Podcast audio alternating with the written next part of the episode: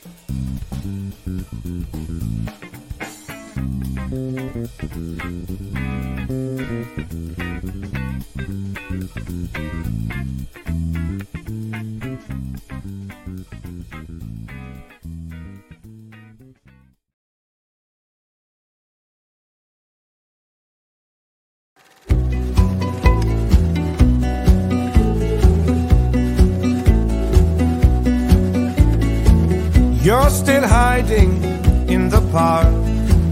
You look so happy when you're down, down, down. Under the trees where you won't be found. And you're still dancing in the dark. It makes you happy when you're down, down, down. No one can see you spinning round and round and your feet keep on moving even when the nights are cold when you roll will you still be dancing or into the dawn of the light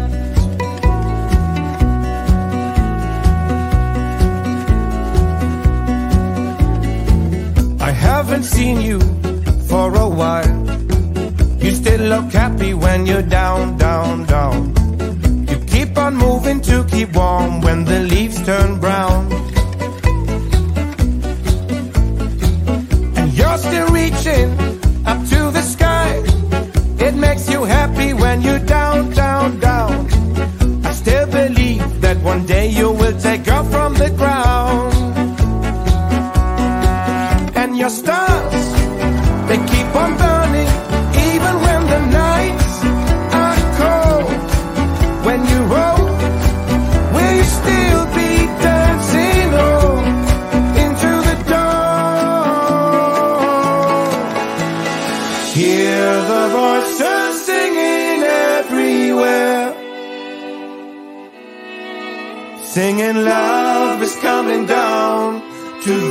Who care.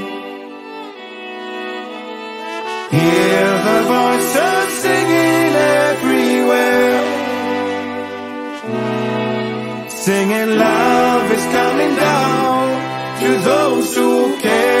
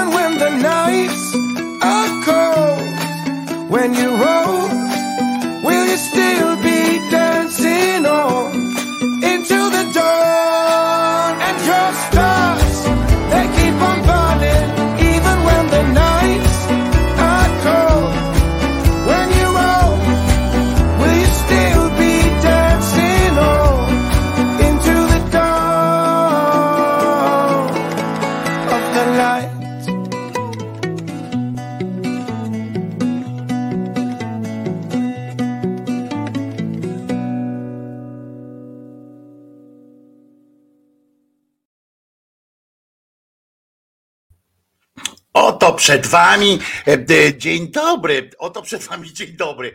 E, Wojtko Krzyżaniak, głos szczerej słowiańskiej szydery e, właśnie dzisiaj, czyli w piątek, 23 dzień lutego 2024 roku. No i jest oczywiście ten, bez którego jest mnie tylko pół.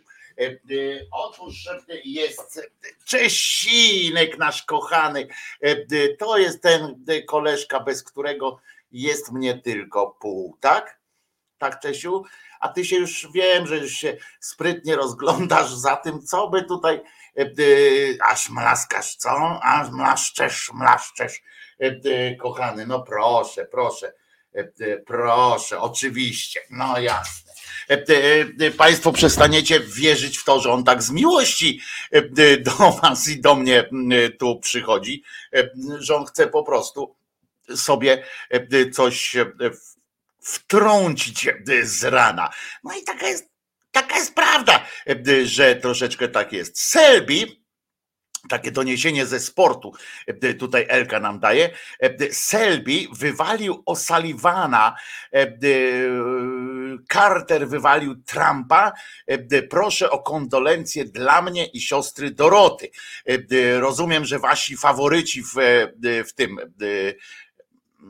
w snookerze e, dostali właśnie baty. No trudno, zdarza się. Ja wczoraj oglądałem, słuchajcie, e, mecz e, Legia Warszawa, Molde, no nie wiem, tam FC Molde w każdym razie. No to, to, to z Norwegii jest co mi tu spada kaptur e, i z Norwegii zespół jest i proszę was, w pierwszym meczu to tam jakieś te sytuacje pucharowe się odbywały. W pierwszym meczu Legia przegrała 2 do 3. No, ale napawało optymizmem podobno, bo w drugiej połowie Legia strzeliła właśnie dwie bramki trzy bramki strzeliła w pierwszej połowie, dwie bramki e, zyskali w drugiej e, połowie i to miało napawać wielkim optymizmem. E, no i okazało się, że ten optymizm nie był jakoś szczególnie umotywowany w, w tym w rzeczywistości. Wczoraj przyjechała, przyjechało Molde i trafiło trzy czy cztery, nie pamiętam już. No w każdym razie jakąś absurdalną e, liczbę goli strzeli i żadnej nie, nie stracili. I no i tyle, no, co tu można powiedzieć, ale przynajmniej spędziłem sobie przyjemny wieczór wczoraj, bo to mecz się o 21 zaczął i przyjemnie się komentowało ze znajomymi tak na tych messengerach, na tych różnych takich rzeczach, jakąś tam nieudolność. Tak, wiecie, jak ktoś lubi filmy o rekinach, e, ludojadach, to, to, no to na takim meczu też się będzie dobrze bawił. No ale przykrość tak została, no przykrość po tym wszystkim, e, że, e, że to w takim stylu tak, tak, tak słabo się to odbyło.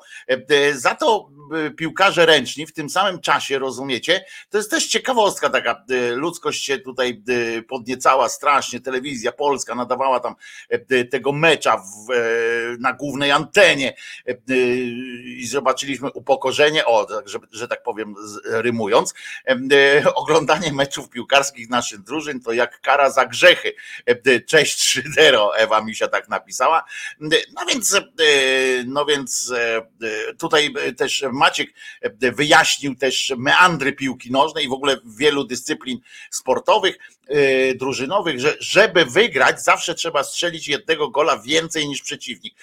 To wyjaśnia chyba tym państwu z Państwa Państwa, którzy e, nie są fanami e, sportów e, różnych drużynowych, że o co chodzi w takiej, w takiej grze i słusznie, no ale rzadko się zdarza, akurat w piłce nożnej to rzadko się zdarza, żeby to naszym drużynom tak się zdarzało. Natomiast, natomiast w tym samym czasie drużyna piłki, ręcznej, rozumiecie, rozgrywała zwycięski mecz w, w Lidze Mistrzów, nie w jakiejś lidze konferencji, tylko w Lidze Mistrzów, ale tym się mało kto e, e, przejął, znaczy w sensie e, mówię o mediach, o telewizjach i tak dalej, gdzieś tam na bocznych antenach itd. Ale nie bójcie się, nie będę mówił o sportowych rywalizacjach tutaj, bo nie jestem ani fachowcem, ani, ani jakoś tam nie ma w tym przyjemności, jak mam mówić o, o o tym, o sporcie w telewizji. No trudno. Za to potem obejrzałem jeszcze te analizy e, ekspertów. To są zawsze fajne, e, fajne sytuacje. No dobra, tyle o sporcie. Dzisiaj jest piątek, weekendu początek i tak się złożyło, że akurat dzisiaj też jest dzień i o tym będziemy mówić. Nie bójcie się, nie, nie przestraszcie się przypadkiem, e, ale będziemy o tym mówić, e, o depresji. Będziemy mówić dzisiaj o depresji, niekoniecznie e, na kolanach i niekoniecznie w jakiś sposób taki wiecie, przysparzający nam poczucia lęku i, i tak dalej. Ale będziemy o tym mówić, ponieważ dzisiaj jest Między innymi oczywiście Światowy Dzień właśnie, właśnie takiego pomyślunku o depresji, bo, bo to jest oczywiście napisane walki z depresją i tak dalej, ale generalnie mnie przekonuje bardziej, jakby to było takie nie święto, tylko tam dzień oczywiście pomyślunku o depresji, bo jak jest taki dzień, gdzie ja słyszę na przykład, że to jest dzień walki z depresją, nie? Dzień walki z depresją, e, to sobie tak zawsze wtedy myślę, że a co w pozostałe dni? W pozostałe dni się tej depresji poddajemy, czy coś, to a dla e, ludzi dotkniętych takim, taką przypadłością, takim, takim, taką chorobą, to ma duże znaczenie. Słowo ma duże znaczenie, bo, bo są e, te osoby często są pozbawione mm, skóry po prostu i E, e, i, każdy taki wyraz do nich, e, do nich trafia. Nie do wszystkich, bo każdy, każdy depresję, znaczy to też, żeby, bo chciałem powiedzieć, że każdy depresję przechodzi na swój sposób. No nie, to też tak nie jest. Są, są cechy wspólne, dzięki którym zresztą można spróbować jakoś tę depresję opanowywać, jakoś tę depresję, tę depres z tą depresją w w istocie walczyć, e, e, czy lekarsko, czy terapeutycznie, e, czy w, w jakiś inny sposób. Oczywiście najpopularniejszym sposobem walki z depresją jest recepta e, rodziny, przyjaciół, znajomych, albo najlepiej doktora Google'a i różnych tam, chociaż teraz doktor Google akurat pod tym względem jest dużo lepszy niż kiedyś, już mniej przypadkowości jest. Zresztą w ogóle w tych wyszukiwarkach to pamiętajcie, że tam przypadkowości już nie ma żadnej. Wszystko jest pod kątem tego, co chcą, żebyśmy wiedzieli, co jakiś algorytm albo no nie wiadomo właściwie e, już teraz, czy to sztuczna inteligencja, czy, czy algorytm e, jakiś przemyślany przez człowieka e, pilnuje tych biznesowych głównie haseł. Jak teraz wejdziecie w Google, zapytacie o coś, to najpierw macie całą masę mm, wyników, które są wsparte jakoś tam finansowo. No dobra, ale olejmy to ten aspekt. Chodzi o to, że, e, że ważne jest to, żeby się tą depresją jakoś tam e, zająć. Niektórzy nawet wychodzą z założenia, że warto taką depresję pielęgnować w sobie, ale o tym pogadamy jeszcze później w audycji. Dzisiaj na pewno pogadamy o, o depresji. Muszę też powiedzieć, że E, e, kilka, no będzie też jedno zaskoczenie, coś, co zaskoczyło mnie e, w kościele. Zaskoczyło mnie i podzielę się z wami tym swoim zaskoczeniem. Myślę, że to będzie, myślę, że to będzie coś, coś zaskakującego również dla was, E, e, co to będzie. A jak mówimy też o takich dniach, co to tam dni, obchody i tak dalej, no to e, u Sowietów jest dzisiaj niezła jazda w czasie takiej wojny. Przypomnę, że jutro minie druga rocznica, jak to się. Nie wiem, jak. Nie wiem, no tak się zastanawiam, bo, bo w, w mediach panuje takie takie sformułowanie pełnoskalowa wojna, nie? to tam to, to jest to jakoś tam istotne dla takie określenie dla politycznych jakichś czynników, dla nas, którzy są z zewnątrz, patrzą na to i żeby tak się, nie wiem, odróżnić tę wojnę od tego, co było w Donbasie wcześniej, tego, co się wydarzyło na Krymie i tak dalej, ale mm, ale tak naprawdę, no, jak spojrzymy na tych ludzi, którzy są na tych terenach, no to, no to ich pełnoskalowość i tak dalej, no to oni mają już od 2014 roku e, e, tak naprawdę, czyli już 10 lat e, toczy się ta ich pełnoskalowa wojna. No ale dobra, przyjmijmy, że, że ta właśnie pełnoskalowa wojna zaczęła się dwa lata temu, 24 lutego no i u Sowietów jest dzisiaj Dzień Obrońcy Ojczyzny. Rozumiecie? Oni tam atakując też bronią i żywią i bronią i tak dalej. Już dzisiaj są przewidziane e, e, różne manifestacje, poparcia oczywiście. Nawet Putin ma mm, e, wystąpić gdzieś tam z jakąś opowieścią. Wczoraj znowu słyszałem, a propos Ukrainy jest przerażające jest kilka rzeczy. Wczoraj się dowiedziałem, że z badań tam niezależnych, tam ośrodków i tak dalej, wynika, że 10% Europejczyków e, wierzy w to, że wygra E, Ukraina tę wojnę. 10% zaledwie wierzy w to, że, znaczy nie wierzy, tylko e, tak przewiduje takie coś, że, że wygra Ukraina, że Ukraina może tę wojnę wygrać. E, ponad 20% uważa, że Sowiety wygrają tę wojnę, a reszta oczywiście nie ma zdania i tak dalej. Ale to jest oczywiście, wiecie, na zdrowy tak zwany chłopski rozum, to jest nawet, nawet do przyjęcia takie myślenie. Oczywiście możemy się oburzać na tych ludzi, że jak można, przecież tutaj e, dzielny naród ukraiński e, walczy e, i, i tak dalej, a, a tutaj ludzie im pod, podrzynają skrzydła. No nie do końca, no jak ktoś chce uczciwie odpowiedzieć na pytanie, no to odpowiada uczciwie na pytanie, mm, a nie, mm, a nie w sposób taki życzeniowy, tak? No, zostali, zostało zadane e, e, pytanie, no więc odpowiedzieli e, ludzie. Gorzej jest, moi drodzy, z, z takim myśleniem, mm, z tym myśleniem takim, co myślimy o Ukraińcach.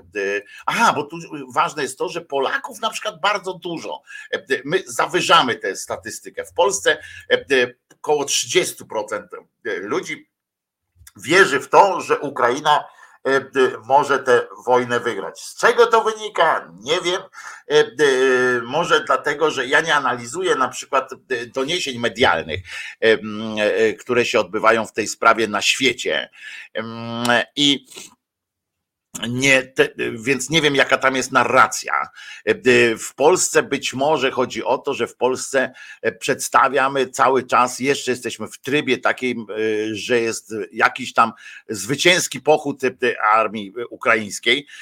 Ja wczoraj znowu słuchając, oglądając różne, porównując tam te różne programy informacyjne i kanały informacyjne i tak dalej, znowu usłyszałem zestawienie było takie, że Ukraińcy chcą do nas wepchnąć e, zboże, zniszczyć nam rynek, ale z drugiej strony e, z kolei niszczą jeden za drugim na przykład samoloty sowieckie, jeden za drugim, po prostu e, ruskie samoloty jak ulęgałki e, padają, że zobaczyliśmy, można było zobaczyć e, nieroztropność oddziału jakiegoś sowieckiego, który nierozpierzchnięty szedł po polu, więc został zgładzony, że jednym pociskiem powalono 60, tam ponad 60 sowieckich żołnierzy i hura, hura i tak dalej.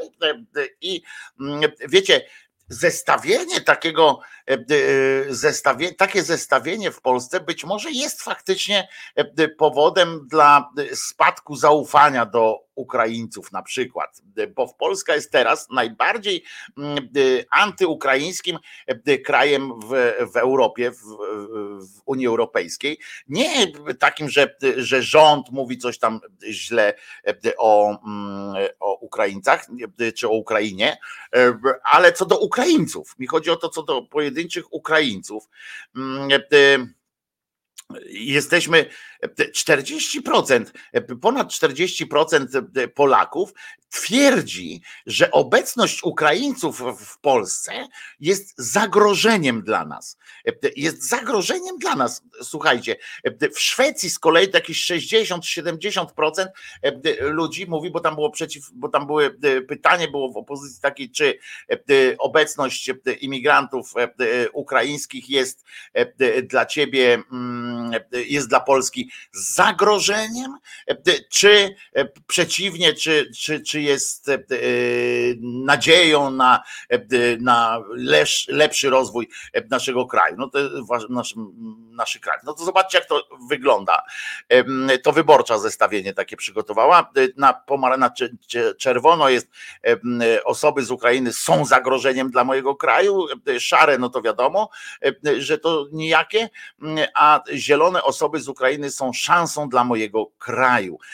I zobaczcie, że ta, ten moment szarości, tak powiedzmy, moment szarości jest w Polsce najmniejszy, a ta szarość moim zdaniem akurat jest, jest w porządku, jest, jest też jakimś przejawem naturalności. Na przykład jak patrzymy na Włochy, które oczywiście nie mają takiego problemu, że pytania, że, że, że Ukraińców tam dużo jest, czy coś takiego, ale tam macie, rozumiecie, 59% ma właśnie wyjebane, nie? I ja też uważam, ale, ale średnia w Polsce jest na przykład, średnia w Europie jest 23% jest za tym, że to jest jakieś zagrożenie, mm, a 28%, że jest to nadzieja to, to e, szansą dla, dla rozwoju kraju.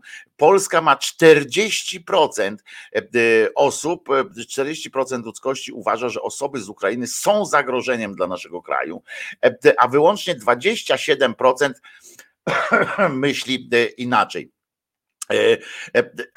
Przepraszam. E, e, ciekawe jest zestawienie Rumunii na przykład, e, że tam 35% z kolei uważa też za zagrożenie, ale ale tylko 13 z kolei e, uważa, że to jest jakiś tam element e, może być rozwoju. 13%.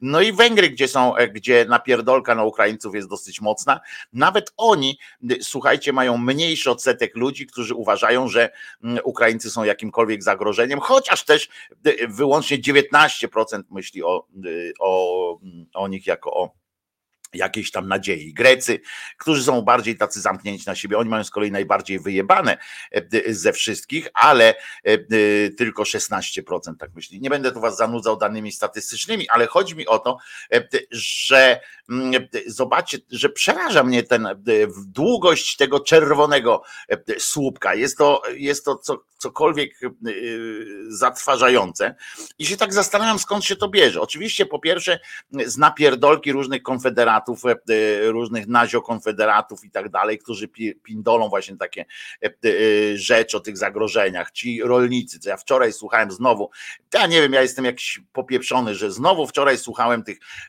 tych rolników. Teraz słuchajcie, niejaki Duda, ale ten Solidarność, Duda się podłączył się teraz do rolników, słuchajcie, i on teraz będzie bronił również rolników. Nie ma co robić ze sobą, nie ma jak wkurzyć tych e, pracowników różnych i tak dalej, którzy generalnie się trochę rozleniwili mu chyba, e, bo, mm, bo nie ma najgorzej, tak? Na rynku pracy nie jest, nie jest najgorzej.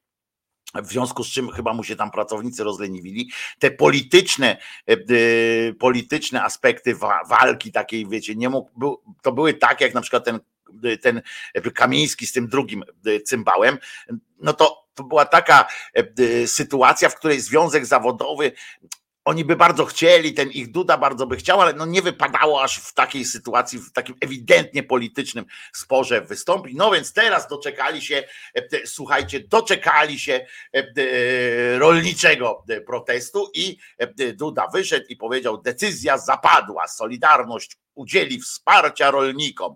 Nie pozwolimy unijnym elitom zniszczyć naszej gospodarki.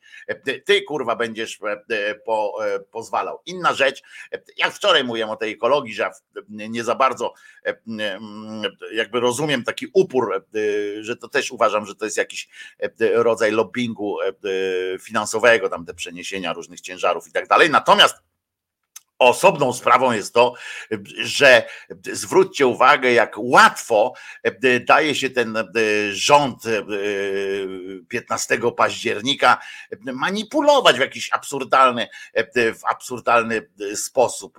I znowu na pierwszy plan wychodzi ten PSL, który znowu jest przeciw temu, za czym był w czasie kampanii. Rozumiecie? Kombinacja koszmarna, ale to jest no, prawo polityków, e, sami się budując taki system, zgadzając się na taki system, pozwalamy politykom właśnie na takie, e, na takie mm, wolty, na takie różne e, kombinacje i tak dalej. Ale zobaczcie, wczoraj dołączyli do tego sporu, do sporu, do tego protestu, rozumiecie, poczuli się w mocy górnicy. Otóż górnicy też postanowili wesprzeć na razie tylko w formie takiej werbalnej i wsparcia jakiegoś, nie wiem, rolników, że chyba, nie wiem, przejmą taki ten, będzie to strajk rotacyjny, w tym sensie, że jak rolnicy będą musieli ruszyć tymi swoimi ciągnikami e, w, w pole wiosną, żeby tam zasiać, czy zacząć kosić, nie wiem, to zależy co, co kto ma, czy tam doić krówki, jak będą musieli wrócić w każdym razie do domu, to wtedy e, pewnie e, chodzi o to, że wtedy górnicy przejmą e, tę, ten, no wiecie co, pałeczkę protestu i na złość nam nie będą wykopywali węgla, do którego jak oni już wykopią ten węgiel, to dopłacamy więcej jako społeczeństwo, niż jak oni by w ogóle nie kopali. Więc, więc w sumie e, nawet, e, nawet to będzie nieźle, jak oni będą ci górnicy strajkowali, bo będziemy dopłacali mniej, e, bo będziemy płacili tylko im za, za pracę i tak dalej, a węgiel taniej kupimy skądś tam i będzie, będzie ok. Sami się zaorają w końcu. To jest tak, jak w tej jednej z fabryk porcelany, która, mm, wiecie, porcelana ma bardzo dobrą markę na świecie i tak dalej, polska porcelana, ale jedna z tych fabryk, która też miała tam, wiecie, milionletnią tradycję i tak dalej, ja się dowiedziałem, że została zaorana bo oczywiście te ceny prądu, bo tam dużo prądu potrzeba i tak dalej, i tak dalej, żeby utrzymać taką dużą produkcję, jak, jak robili. No i te ceny prądu ich tam niszczyły strasznie i to jest ok, znaczy no nie ok, ale wiecie o co chodzi, że to jest tam gospodarze, ale w tym samym czasie, e, e, w tym samym czasie tamtejsze związki zawodowe i tak dalej e, domagały się cały czas podwyżek, domagały się różnych innych rzeczy, no jak wtedy, jak przyszedł zarząd, powiedział, no słuchajcie, no ale nie, nie damy rady po prostu, nie ma takiej możliwości. Zobaczcie, tu jest rachunek za prąd taki, a tu jest rachunek za prąd z kiedyś. No i, no i po prostu, no no, no nie damy rady, bo, bo, bo jesteśmy pod kreską, zarabiamy. To nie jest tak, że my jesteśmy panem, e, wiecie, pan Potocki czy tam Radziwił, i, e, e, który was chce wydymać na, na wszystkim, tylko po prostu naprawdę no zobaczcie, że, że tam któryś miesiąc no jesteśmy pod krechą nie dlatego, że nikt od nas nie kupuje tego wszystkiego, że ludzie nawet zamawiają, zamawiają chcą od nas kupić, ale no nie za taką cenę, nie, nie, nie możemy wystawić takich cen, a musi, musielibyśmy zwiększyć cenę o 100%, żeby w ogóle to jakokolwiek się spinało, tak wiecie, na, na, na styk. E, to musielibyśmy podnieść mm, cenę tych naszych produktów o 150%. Nie natychmiast mamy e, wszystko zrobić i tak dalej, e, mamy dostać podwyżki, dostać coś tam. A więc zamknęli fabrykę i Miasteczko zostało bez, e, bez fabryki, e, e, a związki zawodowe oczywiście zadowolone, centrala tam zadowolona i tak dalej. Ja nie mówię, że, to, że, że, w każdej sytuacji jest tak, bo to są różne rzeczy i nie chcę przeciwko związkom zawodowym jako takim, bo ja uważam, że uzwiązkowienie w Polsce jest potrzebne, jest go, jest za małe i tak dalej, ale, ale kurczę, czasami takie centrale tych związków zawodowych mogłyby też powiedzieć, słuchajcie, no kurwa, no nie w każdym momencie, nie? Jest taka e, potrzeba. No ale dobra, e, wracając do tych Ukraińców, wczoraj też przeczytałem taki e, wpis, w sumie szanowanej przeze mnie kobiety, że i żeby było jasne, nie był nasycony żadnym, tak pozornie, żadną przypierdolką, tylko że no, przyjechałam do Warszawy, byłam w, tam w 40 sklepach i tak dalej i, w, i nie trafiłam na żadnego sprzedawcę, czy żadnej sprzedawczyni, w sensie kasjerki z Polski. Nie? Wszyscy 100% Ukraińców. I pytanie, czy to tylko tak, czy to ja mam takie szczęście, czy tak to jest w Warszawie, że, że już nikt nie pracuje, żaden Polak nie pracuje w handlu. I niby w tym nie ma nic złego, pytanie jak pytanie, prawda? Ale jeżeli takich pytań pojawia się milion, to gdzieś tam przestrzeń ludzie ze sobą rozmawiają i tak dalej. Ja w swojej biedronce akurat mam sprzeda kasjerów i kasjerki Polki, ale co to ma za znaczenie, nie? I my się nad takimi rzeczami zastanawiamy, zaczynamy to rozkminiać. No oni pracują, bo, bo ktoś inny nie chciał. W Polsce, w Polsce nie ma bezrobocia jako takiego strukturalnego. Mm, więc to nie jest tak, że zatrudniają ich, bo taniej y, na przykład. Ja się dowiedziałem tutaj w, w tej biedrze akurat, rozmawiałem w tej koło mnie, rozmawiałem z Polakiem e, e, i z, e, i z Ukraińcem, tak akurat tam na fajeczkę wyszli i sobie z nimi gadałem, to się okazuje, że oni są zatrudniani na dokładnie tych samych zasadach, nie? Dokładnie te same mają początek, na początku dokładnie tak samo i potem ścieżka kariery jest dokładnie taka sama, jak każdy ma taką samą możliwość tam tych podwyżek i tak dalej, i tak dalej, pro, pro, tych bonusów, no ale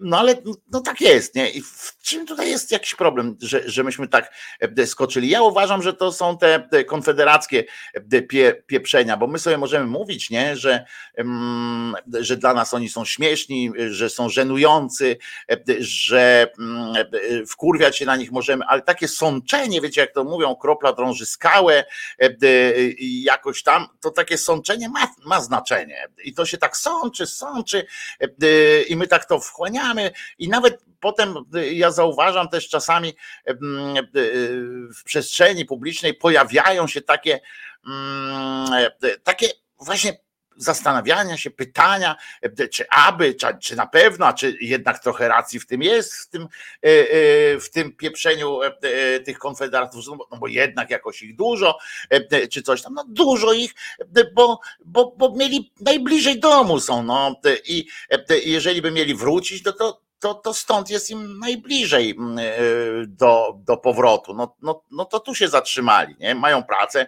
E, e, pamiętajcie też, że jak oni mają pracę tutaj, to oni nawet, oni wiedzą, że tam jak pojadą do Niemiec czy coś takiego, to wbrew pozorom wcale nie jest takie Eldorado dla nich, żeby od nowa zaczynać tam w jakimś miejscu. Człowiek, który uciekł przed wojną i zaczyna w jednym miejscu, to to naprawdę myślicie, że ktoś z was myśli, czy tam te, te ludzie, którzy są tacy krytyczni, niby naprawdę są w stanie myśleć, że to jest takie splunięcie, że a to pojadę dalej i rozpocznę jeszcze raz swoje życie. No to nie jest tak, nie? To, to, to nie jest takie oczywiste. No ale, ale ludzie tam się sączy, im się to do głów sączy, mm, potem się znajdzie jakiegoś Ukraińca, który pobił e, się z Polakiem, e, wiecie o co chodzi, nie? I, i to też jest od razu e, jakiś tam asumpt do, do prete, zgłaszania pretensji. Środowisko taksówkarskie, jeżeli ktoś jeździ z was na przykład taksówkami, to bardzo często słychać, to też, ja to wiem, bo ja nie jeżdżę taksówkami, ale to słyszę od swoich znajomych z kolei, którzy jak, jak, jak jak zgłaszam taki ten, ja, jak tutaj albo od was też dostaję, bo jak mówię o tym na przykład ostatnio jak mówiłem, to potem też dostałem od was masę sygnałów o tym, że faktycznie jest tak, że jak się wsiada do taksówki, gdzie jest Polak, prowadzi, to bardzo często y, zgłasza to, że jemu jest ciężko, bo gdyby nie Ukraińcy, gdyby oni nie przyjechali, czy tam z Rosji w ogóle tam w sensie z dawnego mm, CCCP, to mm, byłoby dużo łatwiej, mogliby normalnie jeździć i wozić pasażerów, a tak to tamten, rozumiecie, zabuskie, zabuska ludzkość, ludność bierze i zabiera im pieniądze, że oni specjalnie właściwie przyjechali tu po to, żeby jemu było gorzej. A z drugiej strony nakłada się co chwilę i, i, I żeby też było jasne, ja rozumiem potrzebę, że ktoś myśli o tym, że to wspiera mm, jakoś E, takie poczucie sensu tej wojny e, w, e, w tej zachodniej Europie, czyli i u nas, i tam gdzieś na zachodzie, że nie można ciągle mówić o tym, że Ukraińcy się wycofują, że dostają w pierdol, że, że coś takiego. Ktoś gdzieś zdecydował, że metodą na, na jakby utrzymywanie zainteresowania Ukrainą i tym, że warto e, e, dokładać tych pieniędzy, e, że warto płacić i kupować im tą broń i tak dalej, i tak dalej, te dary ciągle wysyłać jedzenie, etc Ktoś gdzieś na którymś poziomie wymyślił, mm, że lepiej jest organizować taki pozytywny przekaz, tak? Że, że jest zwycięstwo, że, że wygrywamy, tam, że są sukcesy w każdym razie. No i one się potem, wiecie, człowiek może dostać takiego schizofrenicznego mm, poczucia, jak się dowiaduje o tym cały czas od dwóch lat, że są nieograniczone wręcz sukcesy armii ukraińskiej, połączone z ciągłym strategicznym wycofaniem, prawda? E, e, pamiętacie jeszcze w ubiegłym roku miała być ta ofensywa taka e, totalna, że, że no generalnie byliśmy na przygotowani i to też takie rozbudzenie jakiejś nadziei irracjonalnych, bo komuś się wydawało, że że warto będzie przedstawić społeczeństwom w Europie taką wizję, że chodźcie, ura, będzie coś fantastycznego, Ukraińcy idą po swoje. I, a przecież nie wierzę w to, żeby, żeby analitycy, prawdziwi tam e, analitycy, tacy, którzy się znają na tym, a nie e, dziennikarze, a nie krzyżaniak, czy, e, czy ktoś tam był uprawniony do, do tworzenia takich tez. Oni wiedzieli o tym, że, no, że ta ofensywa w tym wymiarze się nie uda, że to nie jest tak, że tym Sowietom to spadają spodnie cały czas i są najebani w, w trzy dupy wszyscy, bo pamiętacie, że taki był też przekaz, że tam po prostu idzie jakaś banda zombie, w sensie tak, że oni są najebani, nie wiedzą gdzie idą, idą, Ukraińcy do nich strzelają. Kłopotem jest jedynym w tej wojnie, że Ukraińcom brakuje pocisków, żeby zabijać te hordy e, e, idące, nie? To tylko po to, że jak będą mieli pociski do zabijania, to po prostu będą zabijać, bo tam ci idą, tak idą e, i, i się nie zatrzymują. I i ktoś wymyślił na jakimś poziomie prawdopodobnie, że fajnie będzie tak podsycać w tych ludziach, to tylko że zawsze jest wtedy zjazd. To jest tak jak po cukrze, nie?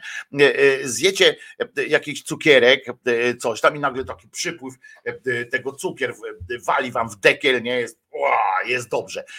No i fajnie, że jest dobrze, tylko że jak potem nie ma następnego cukru, następnego cukru, to najpierw się okazuje, że musicie coraz więcej cukru wpierdzielać, żeby w ogóle się czymkolwiek tak podnieść, a zjazd cukrowy to jest taki, że kurczę, w ogóle wam się oczy zamykają, jakieś lęki się mogą pojawić i tak dalej. I, i, i wiecie, ja też, mnie też nabrali trochę e, w tym wtedy z, tą, z tą ofensywą, to mnie też nabrali trochę. Ja myślałem, że kurczę, faktycznie, że to było jakieś przygotowane z Zachodem, e, że zebrali, nie wiem, ileś tam tej broni, w ogóle wszystko tam ten, dostali tu F-77, e, tam jakieś coś, tam dostali jakieś czołgi, że oni wszystko to przygotowywali. Naprawdę tak sobie pomyślałem, że oni gdzieś tam mm, wszystko sobie przygotowali, tak jak ruszą, to się zatrzymają w Petersburgu, nie? się okazało, że to tak nie jest. I, i, takie było takie puk, puk, puk. Kto tam? Rzeczywistość. Aha, no i jak? No nie, kurwa, nie idziecie. I nagle jakieś tam miasto, miasto duch oczywiście, Sowiety znowu zajęły i tak dalej. I to społeczeństwo Zachodu ma prawo być skołowane i takie zmęczone, że, że kurczę, no ile razy, ile lat można wygrywać wojnę, nie?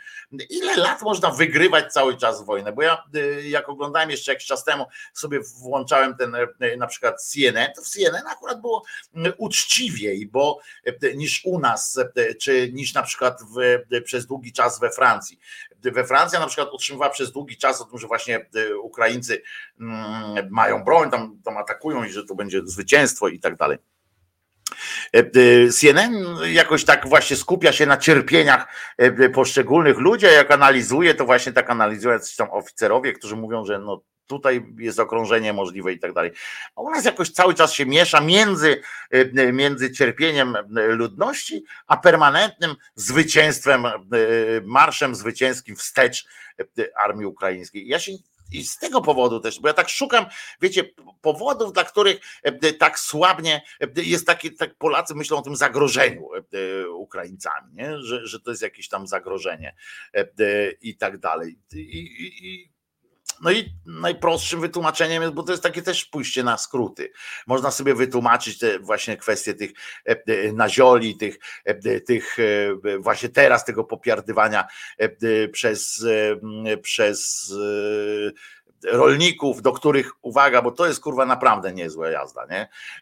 Do których robią takie, oni robią, myśliwi się przyłączyli. Słuchajcie, kurwa, e, myśliwi się przyłączyli. E, I jak e, wszedłem na taką grupę myśliwską i zanim się zorientowali, że po prostu jestem martwą duszą, nie jestem myśliwcem, tylko tak sobie przyszedłem pooglądać, bo to taka zamknięta i tam wcisnęli, ja tam zrobiłem taki profil, wiecie, fejkowy.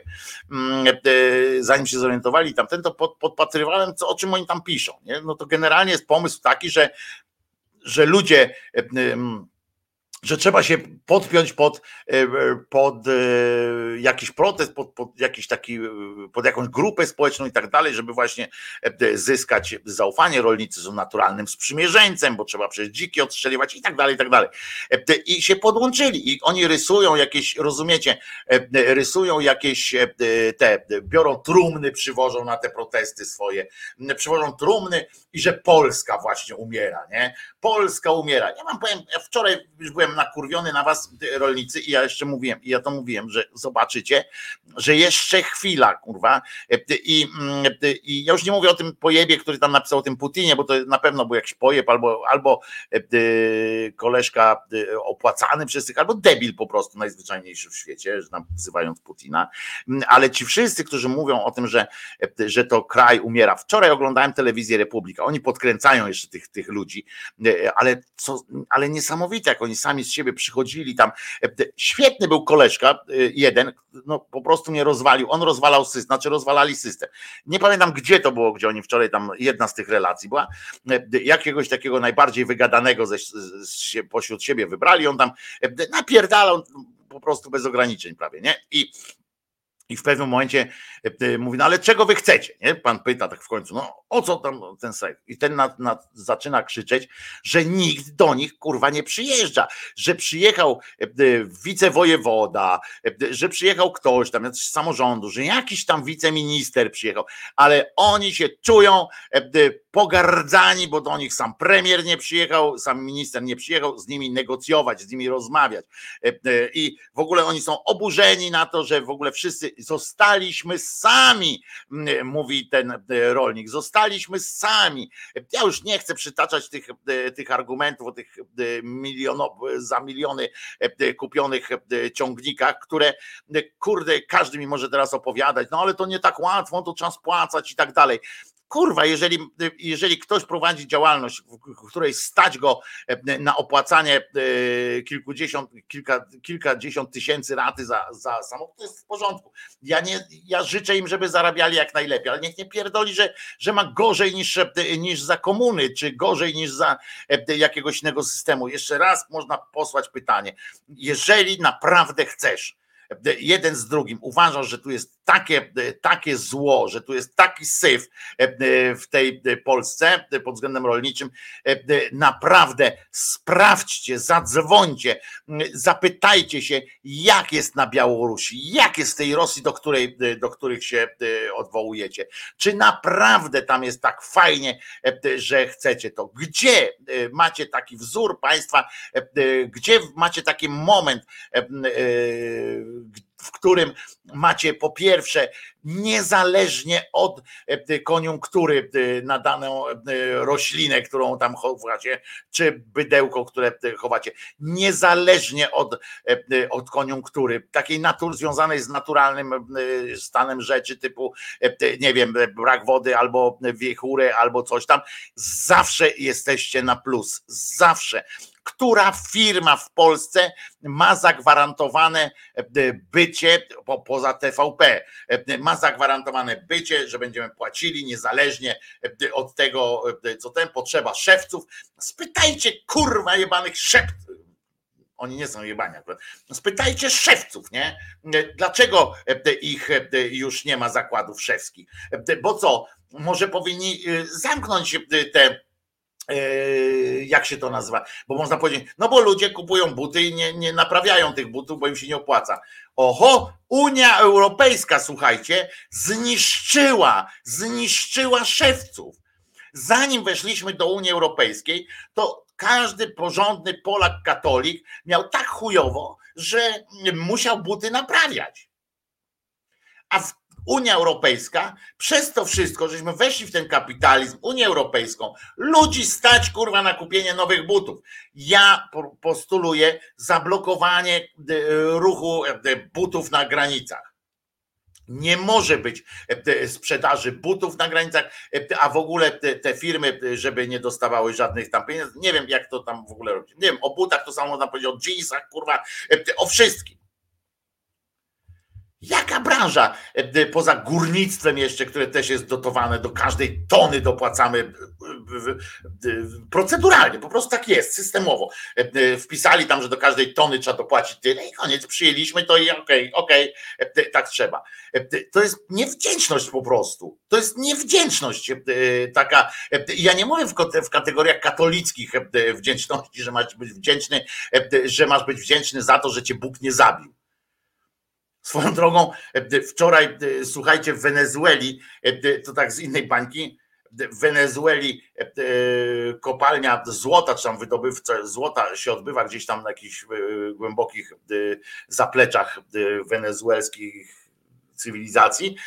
No i odbywała się tam ten i spadła tam, ta góra się obsunęła, 30 metrów góry się osunęło, zabiło ileś, iluś tych górników, tych złotowydobywców i tak dalej, a część z nich jakoś udało się uratować. I słuchajcie, serio, koleżka, który zapierdala na czarno, w, w kopalni złota w Wenezueli, nie dla siebie, tylko dla jakiegoś kurwa cymbała, który go wykorzystuje. I on tam pracuje, jego dziecko tam pracuje, kurwa, wszyscy są skazani na, to, na tą pracę, jest biedny jak skurczybyk, mimo że wydobywa złoto i tak dalej. I on leży, proszę was, bo nie miał żadnego, nic nie, tam nie, nie pilnują tego w żaden sposób, nie, nie nie ma e, jakichś e, zabezpieczeń czy czegokolwiek. No po prostu tam rtęć wlewają, e, ta rtęć wiąże tamte związki złota i potem ta rtęć tam zostaje w tym, oni wydobywają te kulki i tak dalej. Nie? To, to się odbywa tak wdychając.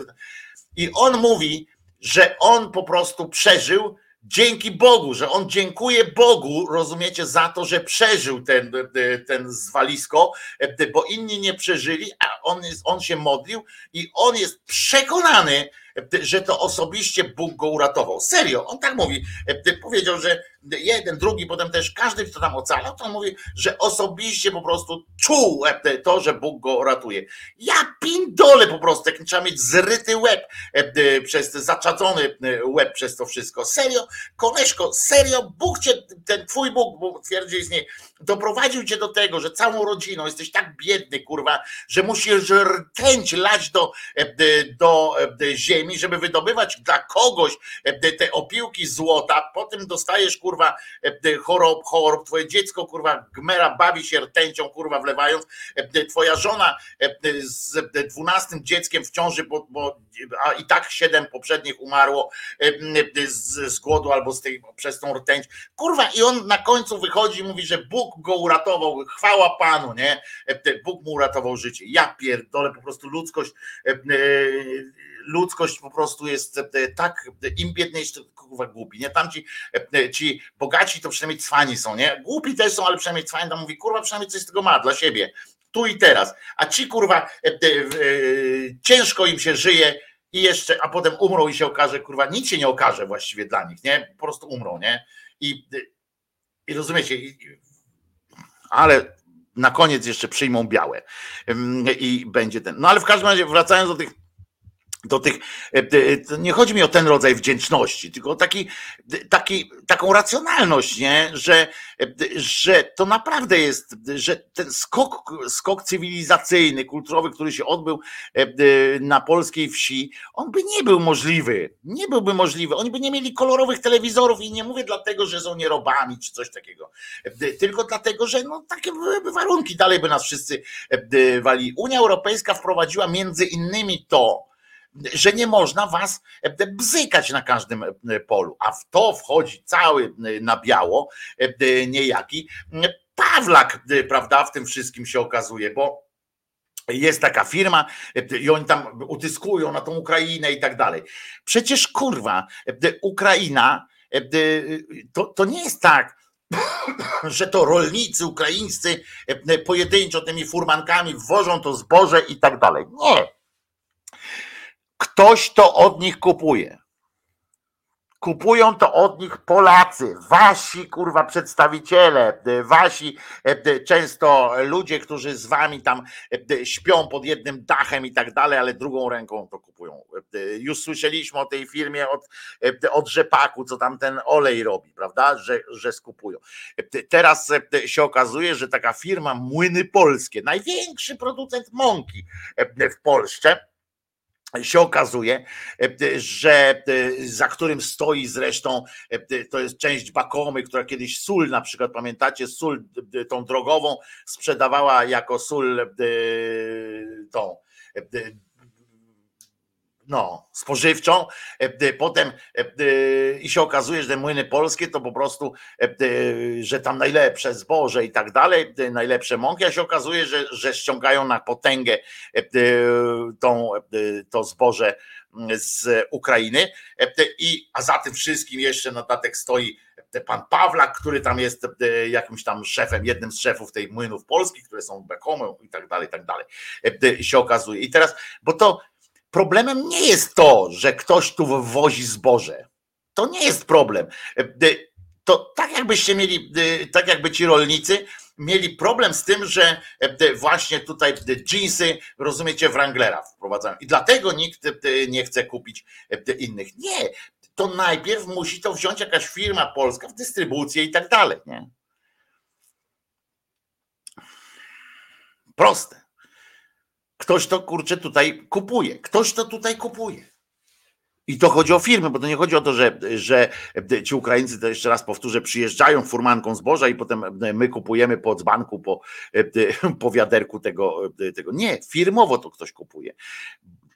Strajkujcie i tak dalej pod tymi zakładami, żeby nie kupowali, bo faktycznie jest tak, bo faktycznie jest tak, że jak spojrzycie na świat, E, to e, na przykład, no wiecie, ja lubię Włochy i e, na przykład we Włoszech jakoś nawet nie chodzi o obowiązek prawny, ale zwyczaj jest taki, że kupuje te produkty najpierw ten gdzieś bliski zakład tam przetwórstwa i tak dalej, najpierw kupuje od swoich.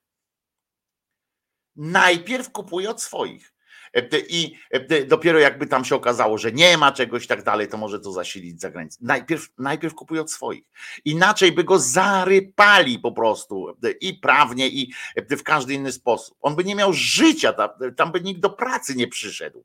Rozumiecie? Bo by go rodziny, bo tam jest silne rodzinny, rodzinne związki są i tam by nikt do pracy nie przyszedł do, tej, do tego przetwórcy. Jakby się okazało, że ten przetwórca niszczy, e, e, niszczy lokalne, e, lokalne tam społeczeństwo, społeczność i tak dalej, to by tam nikt do pracy nie przyszedł. A tam z kolei zatrudnianie tam zagranicznych to, to, to jest problem. Nie? To, to nie jest tak, że można łatwo. To spoza Unii oczywiście. To, to, to zobaczcie, to taka jest prawda, nie?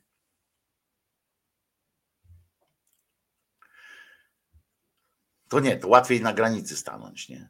A z drugiej strony w portach, kurwa, zajepane porty są zbożem z Rosji, nie? A potem się dziwimy, że. I to, to musi być jakiś element manipulacji, nie? Dzisiaj będzie dużo muzycznych premier. Na początek trzy korony i klęczon w piosence, której pewnie nie znacie.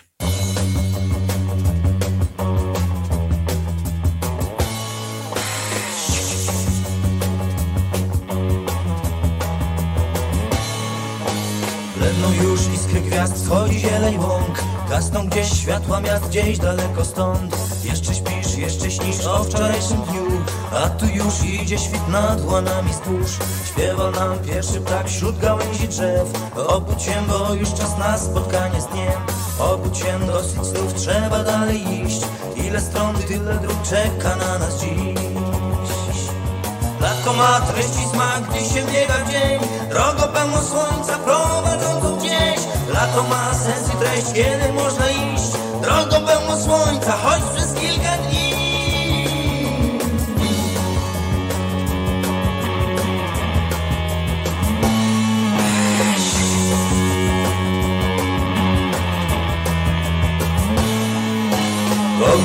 płonie czas, więc nie żałuj nóg. Jeszcze ma dla nas świat kilometry dróg. Tyle miejsc, ile dat, świat niemały jest. Dzisiaj tu, jutro tam, inny każdy dzień. Nie co dzień zdarza się słońce w herbie dnia Ale w świat warto biec z wiatrem i pod wiatr. Pośród pól, pośród wzgórz coraz więcej barw. Drogie, więc chodźmy już, póki lato trwa. Lato ma treści smak, gdy się biega dzień. Drogą pełno słońca prowadzącą gdzieś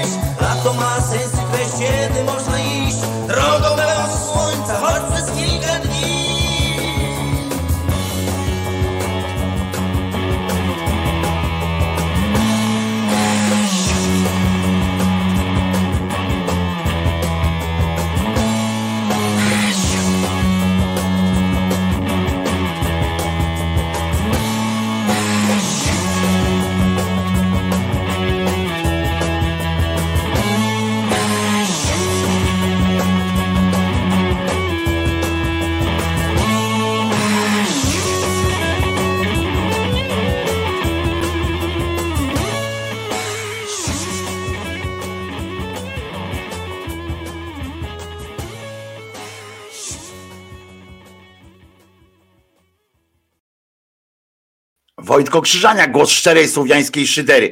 E, e, oczywiście tu Jacek pisze o cłach i tak dalej. Jacek, e, ja mówiłem o wielu aspektach tej sprawy. To nie jest tak, że powtórzę, bo, bo oczywiście ty piszesz, że no przecież cła, że kokainę skoro przywożą, ja kupuję i tak dalej. To w ogóle mieszasz system. Ja mówię o systemie społecznym też i, i tak dalej. Oni przywożą to zboże i oczywistym jest, Oczywistym jest, że powinny być e, tam cła i tak dalej. To jest oczywiste. E, Przecież ja o tym nie, nie mówię, no bo to jest oczywiste, że jakiś tam powinno się chronić też strukturalnie, systemowo, powinno się chronić własnych producentów i tak dalej, e, różnych rzeczy pod warunkiem, że są lepsze od tych, które mają, mają przyjechać ze świata. To jest oczywiste, ale, ale w tym wszystkim najważniejszym aspektem jest takim, ja mówię a propos tych protestów. Ja mówię a propos tych protestów, yy, że, e, że, że to jest. No. Przedstawiasz to tak, jakby to był tylko problem rolników, a to nasz problem, bo z tego pełnego chemii zboża jemy chleb, a proszę z tych zbóż, e, paszę z tych zbóż jedzą zwierzęta. No i oczywiście, e, i oczywiście mm, tak to, tak to jest, że, że to rolnicy myślą o, chcesz przedstawić mi Waldemar, że rolnicy właśnie skupieni są na dobru, na dobru wszystkich Polaków i jakby Unia Europejska nie nakazywała pewnej kultury yy, i używania pewnych konkretnych yy, środków i zakazywała innych, to ja mam teraz yy, obowiązek założyć, że oczywiście polski rolnik brałby te najlepsze pestycydy i robiłby najlepszą. No. No i problemu by nie było, a nie, że nasi kupują. Jacek, ja nie wiem, jak można, jak ja mam to tłumaczyć, że jak mam tłumaczyć to, o co mi chodzi w, w, również, że, że to jest jeden z aspektów. Jeżeli my nie jesteśmy, jeżeli my nie jesteśmy, bo przecież to tak zabrzmiało teraz, jak ja bym e, kurwa bronił tego, że, że powinno się tu wozić zboże, że w ogóle wolny rynek i tak dalej. To kurwa, w którym momencie ja to powiedziałem? W którym kurwa momencie ja to powiedziałem? Nie? E, W żadnym. Tak samo jak nie broniłem w żadnym momencie, nie broniłem e, jakości tego zboża i tak dalej, bo nie o tym jest mowa. Mowa jest o tym, że, jak nie, nie, że to jest przykład również na to, że jak nie stworzymy sieci społecznych i związku e, społecznego, tu po to był ten przykład Włoch, że jak nie, nie pieprzysz teraz, Jacek, muszę ci powiedzieć tak po koleżeńsku, bo piszesz, nie ma czegoś takiego w kapitalizmie jak społeczna solidarność od niekupowania. Pokazuję ci, we Włoszech, we Francji, i tak dalej. Te, jeżeli stworzono, tam gdzie stworzono, właśnie gdzie sami rolnicy i tak dalej stworzyli spółdzielnie, stworzyli, z nich potem tam powstały różne rzeczy. Problem pojawia się tam, gdzie jest e, biznes ten ponadregionalny, gdzie, jest, e, gdzie są firmy tak jak Bakoma czy coś takiego, że nie są związane e, z lokalną społecznością.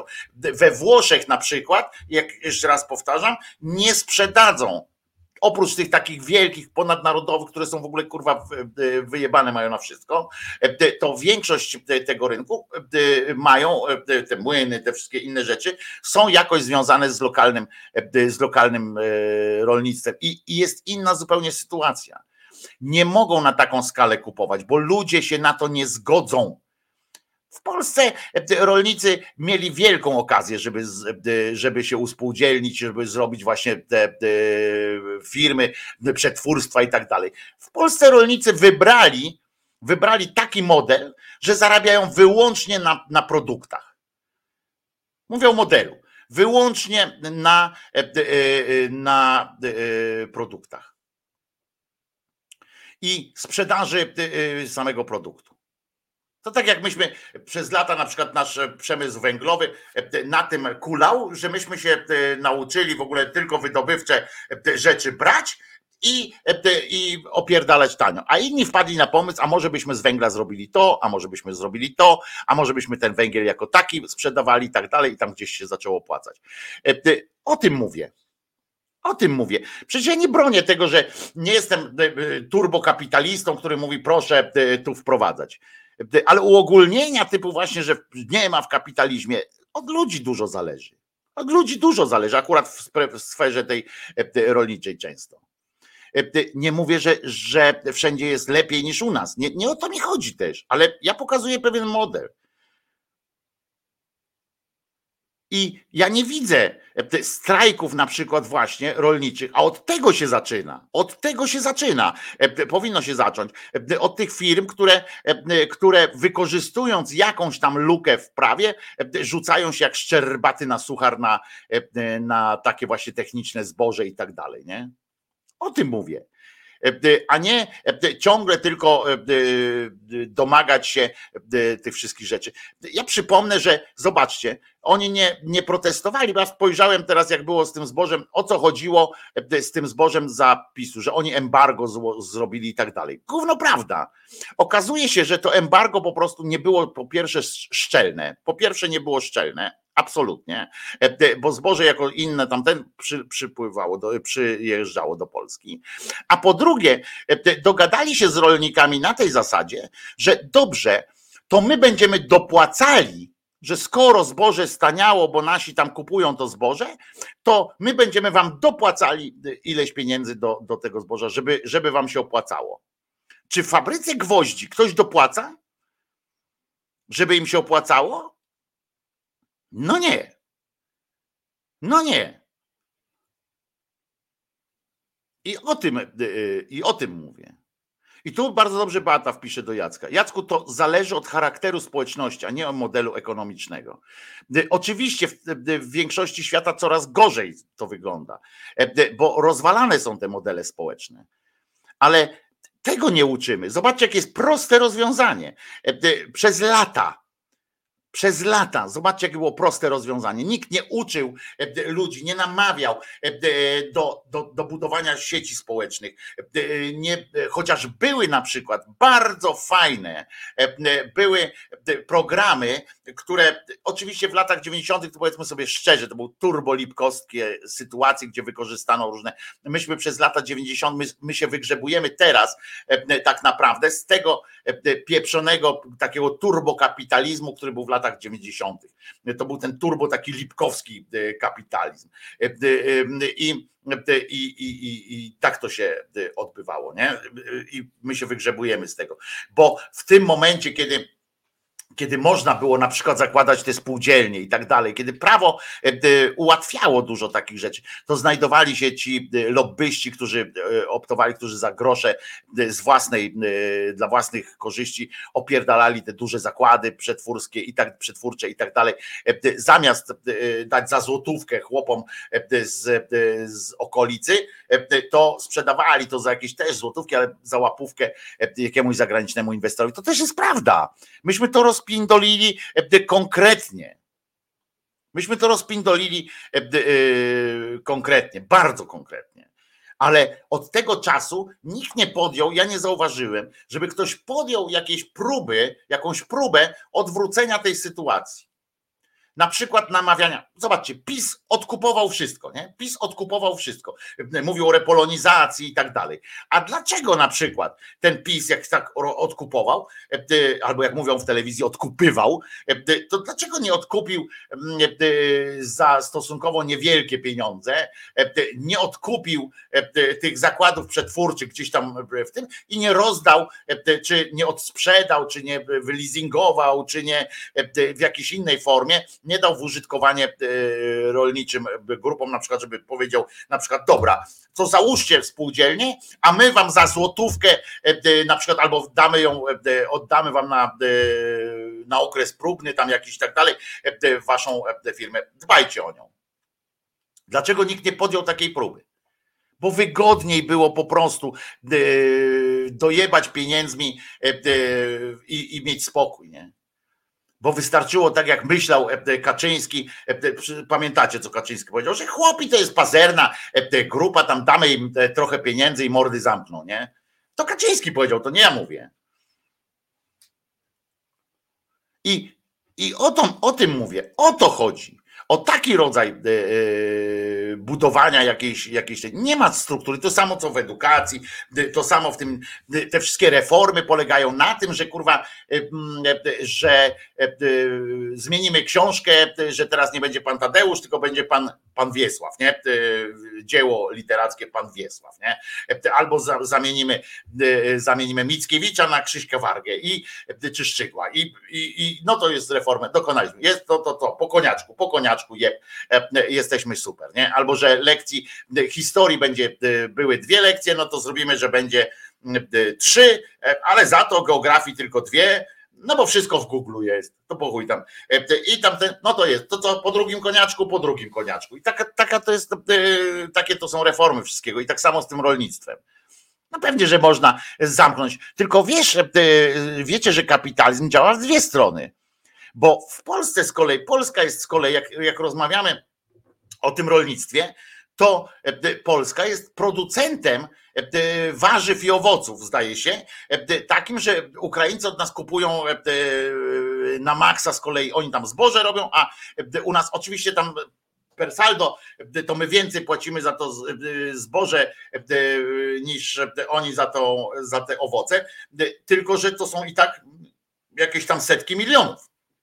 Więc do kogoś one trafiają, do wytwórców polskich, tak? I teraz jak zrobimy embargo, e, oczywiście można powiedzieć, zamykamy granicę, nie? Tylko, że granica jest zamknięta w dwie strony. I co zrobią potem?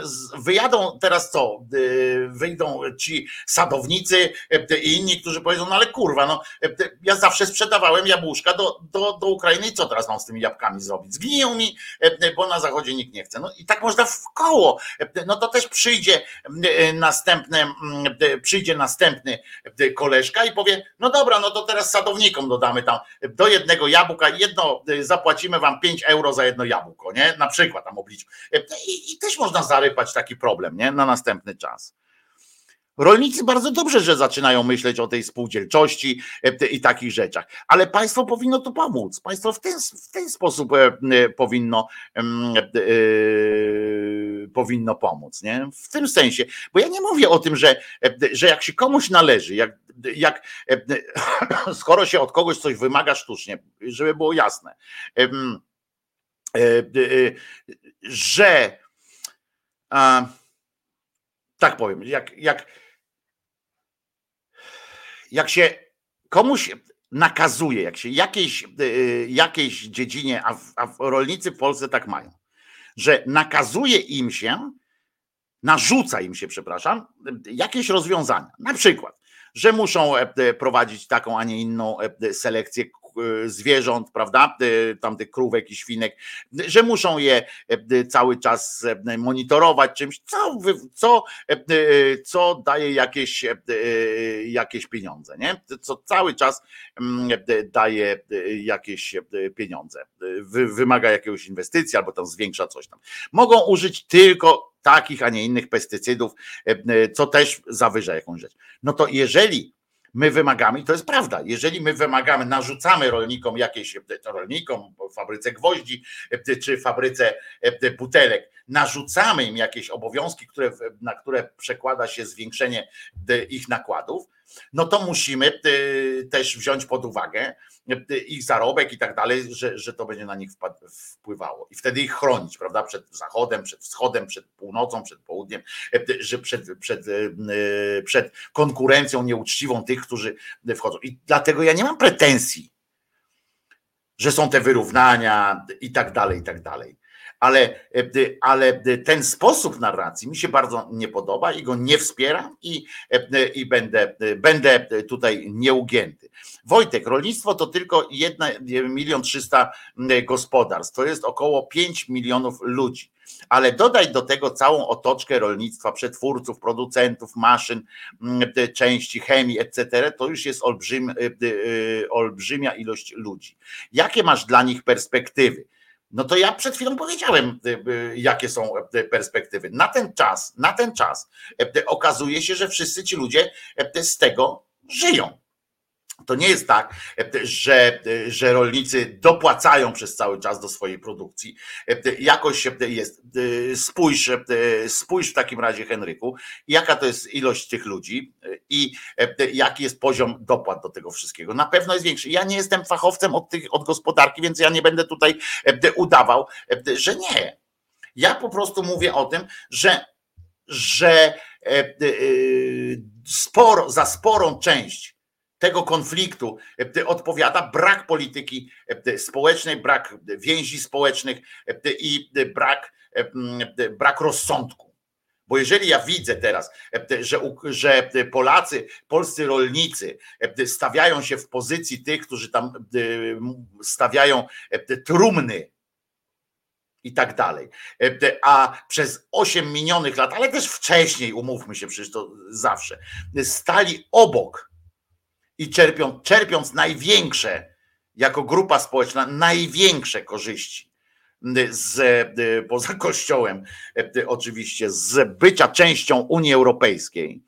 I że im najwięcej zapłacono wręcz w prostych pieniądzach za przy, w momencie głosowania za akcesją do Unii Europejskiej, to no to nie można E, e, e, udawać, że tego nie ma. Ja nie chcę tu szczuć na rolników tam i tak dalej, ale ja nie chcę, żeby oni szczuli i żeby uważali się za lepszych. I ciągle to wracanie, że oni żywią i bronią. Nie żywią, bo, bo musisz iść do roboty, zarobić na to, żeby móc się za ich ciężką pracą pracę wyżywić. A to, że, że rolnictwo jest częścią strategiczną, że y, to też jest prawda, że trzeba zachować. Na przykład nie można zaorać asfaltem, zalać e, pól i powiedzieć, dobra, to sobie kupimy y, zboże z Ukrainy, y, świnkę z Niemiec, a, a coś tam. Wiadomo, że trzeba mieć rezerwy w tym i, i dlatego się płaci za takie, za takie rzeczy. Nie? Ale się nagadałem e, jakoś ten. Oczywiście to wygląda, jakbym, e, jakbym e, o polityce mówił, a przecież to nie ma w tym polityki takiej sensu stricte, bo to nie zależy. Ani razu nie wymieniłem nazwy partii żadnej, prawda? Ale za to teraz posłuchamy piosenki, która, mm, no, która jest która jest świetna po prostu.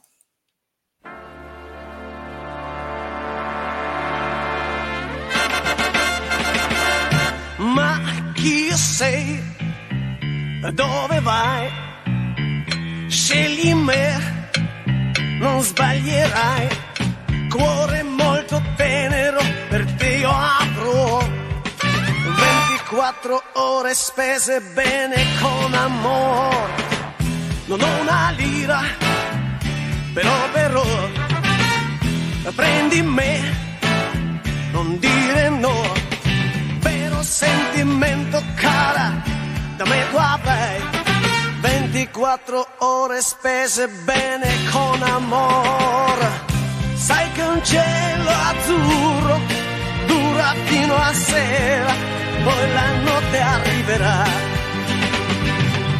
Una primavera, sai, in un'ora avrai, se verrai con me a guardare i colori dell'amore.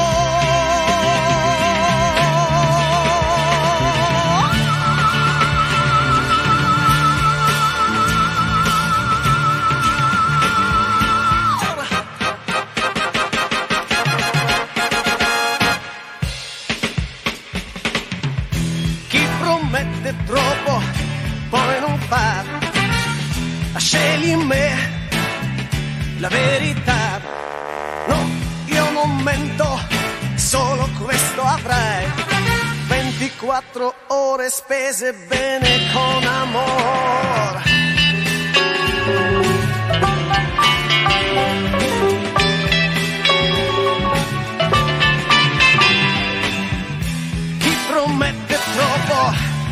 Non fa. Scegli me la verità No, io non mento, solo questo avrai. 24 ore spese bene con amore.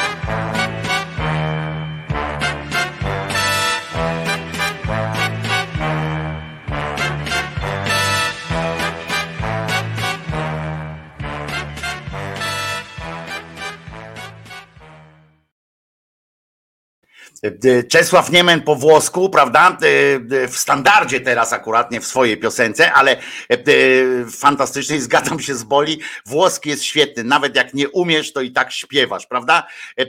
Jest świetny język, ale i dziękuję Heniowi, że zrozumiał o czym ja mówię i jako sam jako człowiek żyjący z właśnie z szeroko rozumianego rolnictwa, zrozumiał o czym ja mówię że ja nie zajmuję się tu gospodarką i tak dalej.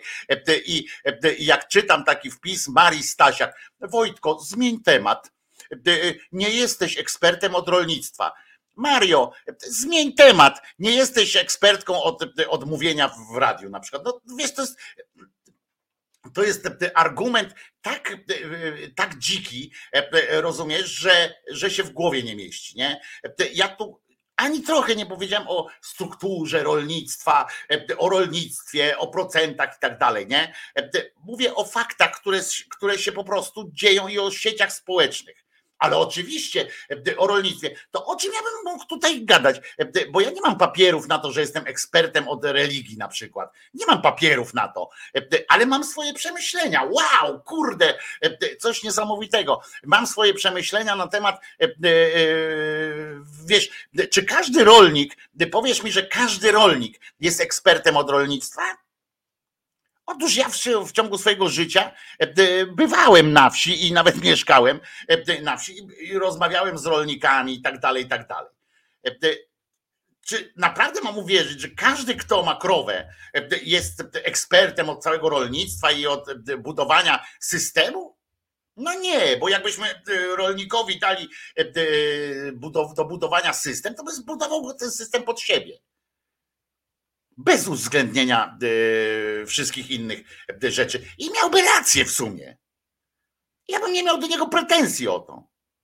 Ale, e, ale, ale po prostu każdy z nas może wypowiadać się o tym. I ja nie mówię o rolnictwie, jako tak jak zaznaczyłem pięć razy, zaznaczyłem, kurwa, że nie jestem fachowcem od rolnictwa Więc, więc nie mówię o tym, jakie tam, jak mają rolnicy siać, żeby było dobrze, ale czy trzeba być e, ekspertem od rolnictwa, żeby stwierdzić, że został przespany pewien moment, e, żeby zrobić spółdzielczość, na przykład jeżeli chodzi o wytwórstwo, e, o przetwórstwo, znaczy płodów rolnych.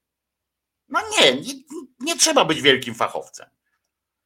A mówienie tęsknię, ja tęsknię, bardzo tęsknię do, do sieci społecznych i do solidarności jakiejś społecznej. Ja wiem oczywiście, że to się nie odbuduje.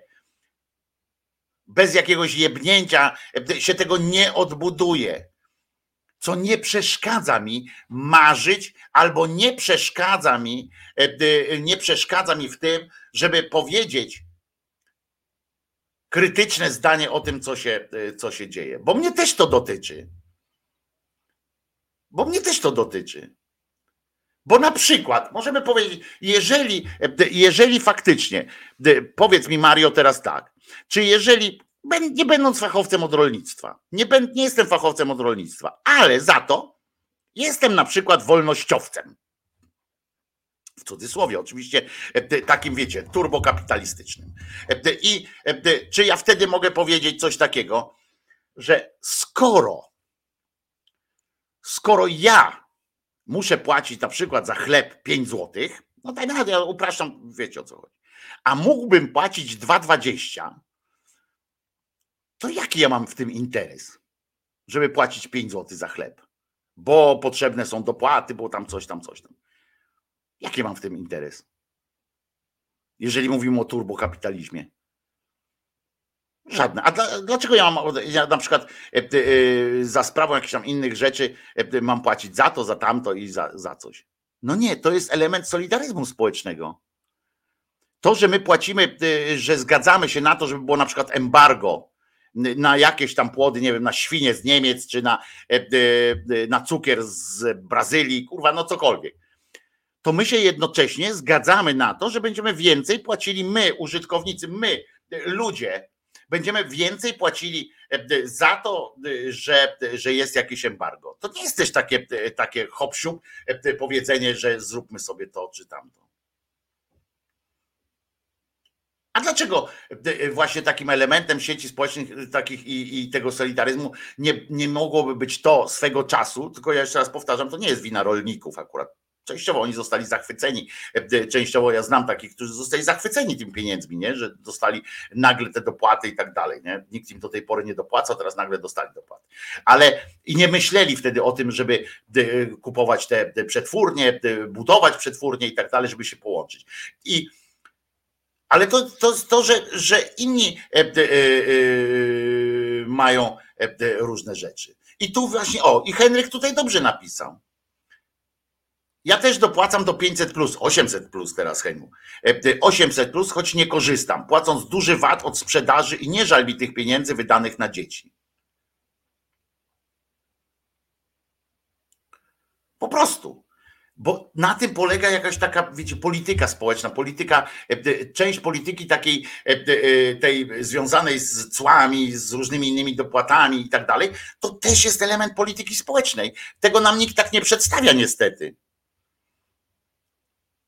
Ale tak jest. Że my się na coś umawiamy, że państwo jest po to właśnie, żeby powiedzieć, dobra, e, to słuchajcie, to wy się złóżcie na to, my się złożymy na to, w sumie tu będzie na 800, plus, a tam będzie e, na przykład na to, żeby e, rolnik mógł ciągnik kupić i tak dalej, i tak dalej.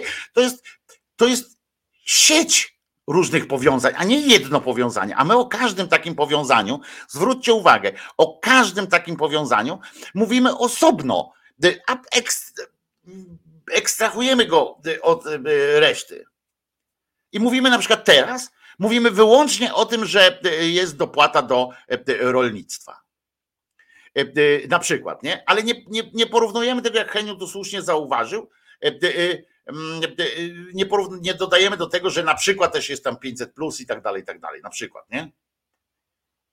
I to też ma Wynikiem tego jest jakaś tam e, opłata na przykład wyższego VAT-u, e, bo z VAT-u rząd, e, rząd bierze pieniądze, czyli większy VAT płacimy na przykład i tak dalej. Bo gdyby nie było 800, plus, to mógłby być VAT niższy na przykład. Prawda? I to jest jakieś takie połączenia są. Maria pisze, że nie rozumie przykładu z chlebem. Chodzi o to, że ten chleb mógłby być tańszy, gdyby, gdybyśmy na przykład uwolnili całkowicie handel zbożem i byśmy ściągali na potęgę wyłącznie e, zboże e, z e, Sowietów, nie? z Rosji, na przykład, albo skądś tam. I byśmy to zboże ściągali i nie dopłacali do tam do kwintala i tak dalej, i tak dalej, tam w ogóle byśmy to olali wszystko. Rolnictwo by mogło paść, to sobie tamten, nie? A my byśmy dokupowali. I, i skoro cena zboża teraz, skoro cena zboża teraz, y, tam mówią pszenicy, nie? Jest na przykład na poziomie 800 zł za tam tonę chyba, a potem wychodzi ona drożej wychodzi ona drożej, dużo drożej, y, bo jeszcze tam są dopłaty, bo coś tam, coś tam, coś tam, sroś tam, nie?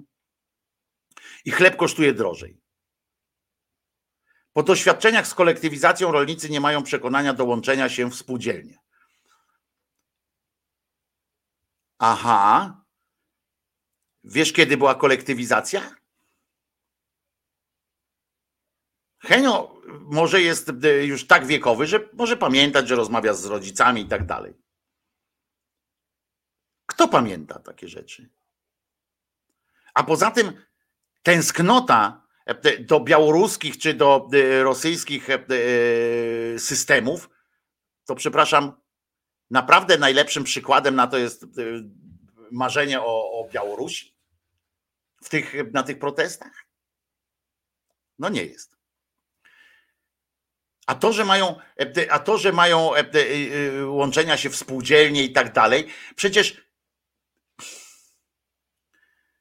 przecież to nie chodzi o spółdzielnie, że te ziemie wszystkie są połączone w jedno i tak dalej. Nie.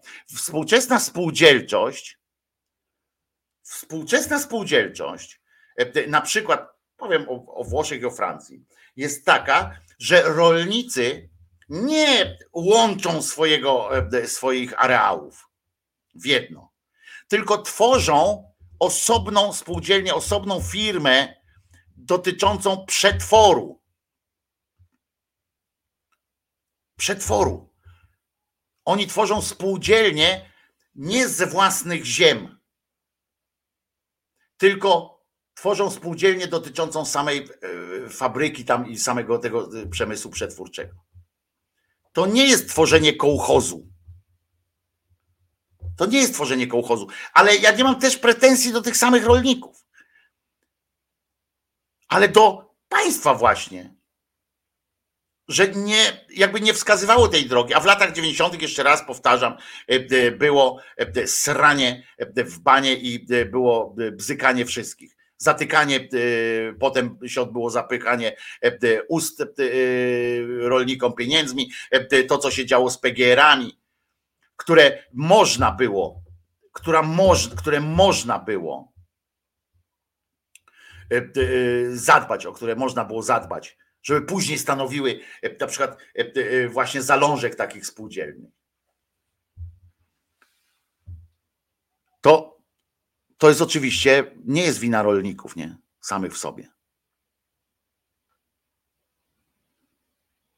Wojtko, powiedz, spółdzielnia na wsi, to za chwilę będziesz miał widły w plecach, pisze Jasza. No ale to co to moja wina jest?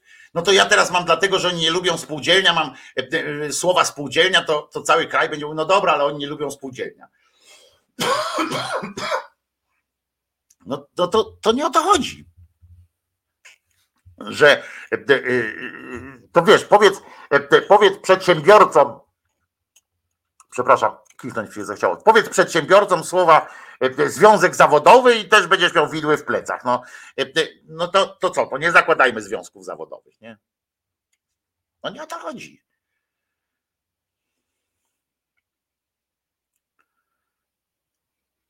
I tu piszesz, widzisz Maria, i tu piszesz mądrą rzecz że wiem na czym polega spółdzielczość, ludzie sobie po prostu nie ufają. To jest problem. No właśnie. I zobaczcie, że żaden rząd przez 30 tam parę lat tej nowej, e, e, tej e, nowej sytuacji nie, nie wprowadzał takiego czegoś, żeby uczyć tego zaufania. Tylko cały czas dbał o to, żeby właśnie jeden ma zarobić więcej, drugi ma zarobić więcej, a ten dostał i ludzie się skupili na tym, kto dostał więcej dopłaty, nie? I był taki moment, kiedy ludzie kupowali ziemię nie po to, żeby ją obsiewać i pracować na niej. To też to jest przykład z anegdoty, więc nie można tego rozłożyć na wszystko, ale to mam takie przykłady po prostu e, wśród bardzo bliskich znajomych. Że to kupowali ziemię nie po to, żeby z nimi coś robić, z tą ziemią coś robić, tylko że dostawali tam dopłatę do, do hektara i tak dalej. Nie? I kupowali, im się to opłacało, bo tam wtedy jeszcze był, wtedy można było dosyć tanio kupić tam. Kupowali to, dostawali, to im się, to im się w, w roku zwracał cały ten zakup. Nie? I to jest problem. To jest problem. O tym rozmawiajmy, a nie o tym, czy, czy dać komuś dwa złote, czy trzy złote. Dziękuję bardzo, Heniu, że, że byłeś z nami. Pamiętaj, że, że możesz na audio zawsze słuchać sobie. No o polityce gadamy o jakichś takich rzeczach, nie? Się skupiamy, czy kurwa Kamiński poszedł do pierdla, czy nie poszedł do pierdla. Jakie to ma znaczenie? W Polsce rolnicy potrafią podzielić się ciągnikiem, maszynami, czymkolwiek, e, czy co polskiemu każdy, każdy musi mieć nawet e, moje, nawet jeśli użyje czegoś dwa tygodnie w roku, bo to z Unii Europejskiej się należy. Unia ma dawać. No Daniel, to też jest uproszczenie, to zależy od tego, jak ludzie ze sobą żyją. E, jestem, jestem przekonany, że, że, że można że, że znalazłabyś spokojnie takie społeczności y, lokalne, które sobie pomagają i, i nie ma problemu. E, Francja protestowała dwa tygodnie przy Janusza Gapi. No Francja, Holandia i tak dalej, bo to tylko, że oni z innych powodów tam e, protestowali. Nie? E, e, nie że zboże ukraińskie, e, tylko, tylko właśnie z, z różnych innych powodów dotyczących tego Zielonego Ładu, na przykład to, że tą część pola musieli, mieliby zostawić odłogiem na jeden sezon i tak dalej, i tak dalej. Tam były różne inne sposoby. Tam na przykład w Niemczech chyba o podatki chodziło, prawda? Z tego co pamiętam. Też się tam zmieniło. Z różnych powodów protestowali we Francji poza tym jest system protestów jest zupełnie rozbudzony inaczej niż, niż u nas. To tam protest oznacza co innego, w sensie, że łatwiej jest kogoś sprowokować do protestu. No więc tyle. No i ja jeszcze raz powtarzam, nie mam żadnych, żadnych kompetencji mówienia komuś, jak ma prowadzić swoje, swoją działalność gospodarczą.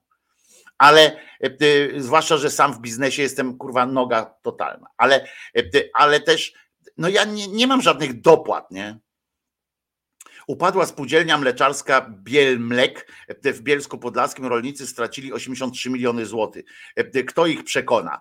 No ale to też trzeba sprawdzić, bo tak, wiesz, bo takie hasło napisałaś Maria i ja się zgadzam, no pewnie tak jest, ale, ale też dlaczego straciła, co tam się stało i tak dalej, no to też trzeba wiedzieć.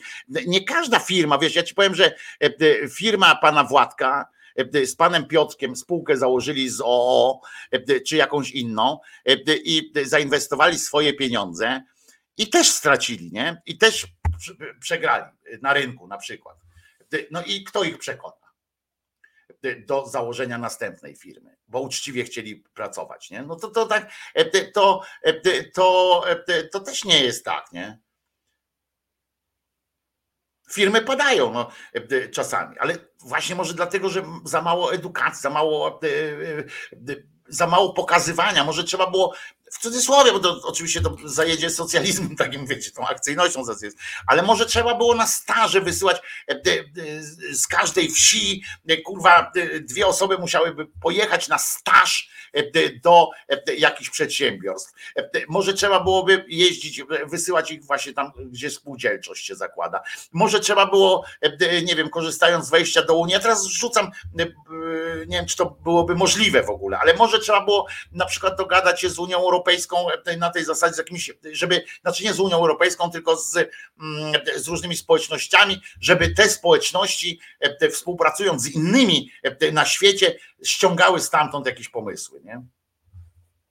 i pomagały, na przykład gmina jakaś tam francuska spółdzielnia, żeby pomogła założyć żeby nauczyła ich struktur, tych naszych rolników, którzy faktycznie mieli te podstawy do bycia, do bycia przestraszonymi, czy do bycia niechętnymi idei spółdzielczości, bo w Polsce w ogóle słowo spółdzielczość zmieniło swoją, swoją, swoje, swoje znaczenie, prawda? No tak, tak to jest. Dobra, ale kończę już o tym. Wypowiedziałem się jak jasna cholera. I pamiętajcie, że nie mówiłem o rolnikach, o, o, o kimkolwiek. Przykład rolników, przykład tego, że myśliwi się, wiecie, jak, jak rolnicy tam teraz myśliwi się pod nich podłączają, górnicy i, i mm, górnicy i myśliwi, no to pomyślcie sobie, czy ci ludzie na pewno myślą o, o społeczeństwie, nie? To też można, to a propos już samych, samych e, górników. No dobra, e, dzisiaj lecą same premiery, e, ale oczywiście to nie są premiery typu, że lista przebojów RMF-u tu wchodzi, czy coś takiego. Natomiast piosenki, które pojawiają się tu pierwszy raz, bo dzisiaj jest piątek, weekendu początek, a zatem teraz zespół, ciekawe czy znacie taki zespół Graminę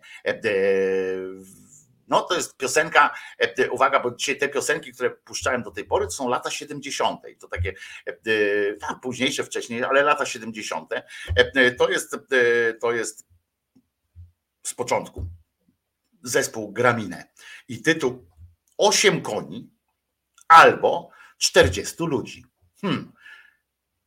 I naprawdę ktoś, ja jak przeczytałem ten, ten tytuł, to sobie mówię, to sobie powiedziałem, no to jest na pewno instrumentalny utwór, nie? No bo to jest taki tytuł właśnie jakby, jakby utwory instrumentalne, te jazzowe, funkowe, e, zespół laboratorium, e, zespół e, tam system, oni albo rodzina pastora, to oni właśnie takie tytuły wymyślali i potem do tego grali. Nie? ja tu też myślałem, mówię, graminę, nie znałem tego zespołu, więc przesłuchałem sobie tam Trochę wybrałem dla was ten utwór, ale myślałem na początku, że to jest e, e, utwór instrumentalny. I jakieś było moje zdziwienie, jak się okazało, że, że to jest piosenka. I to świetnie zaśpiewana przez kobietę. Otóż zespół Graminę, 8 e, koni albo 40 ludzi.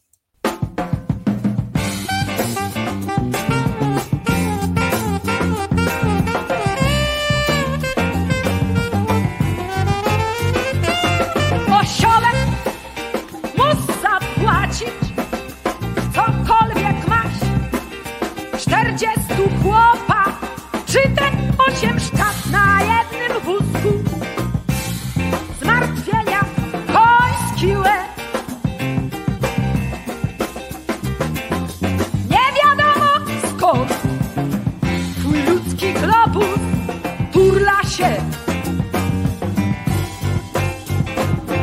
Czy twardo w siodle trzyma się? Czy w dugla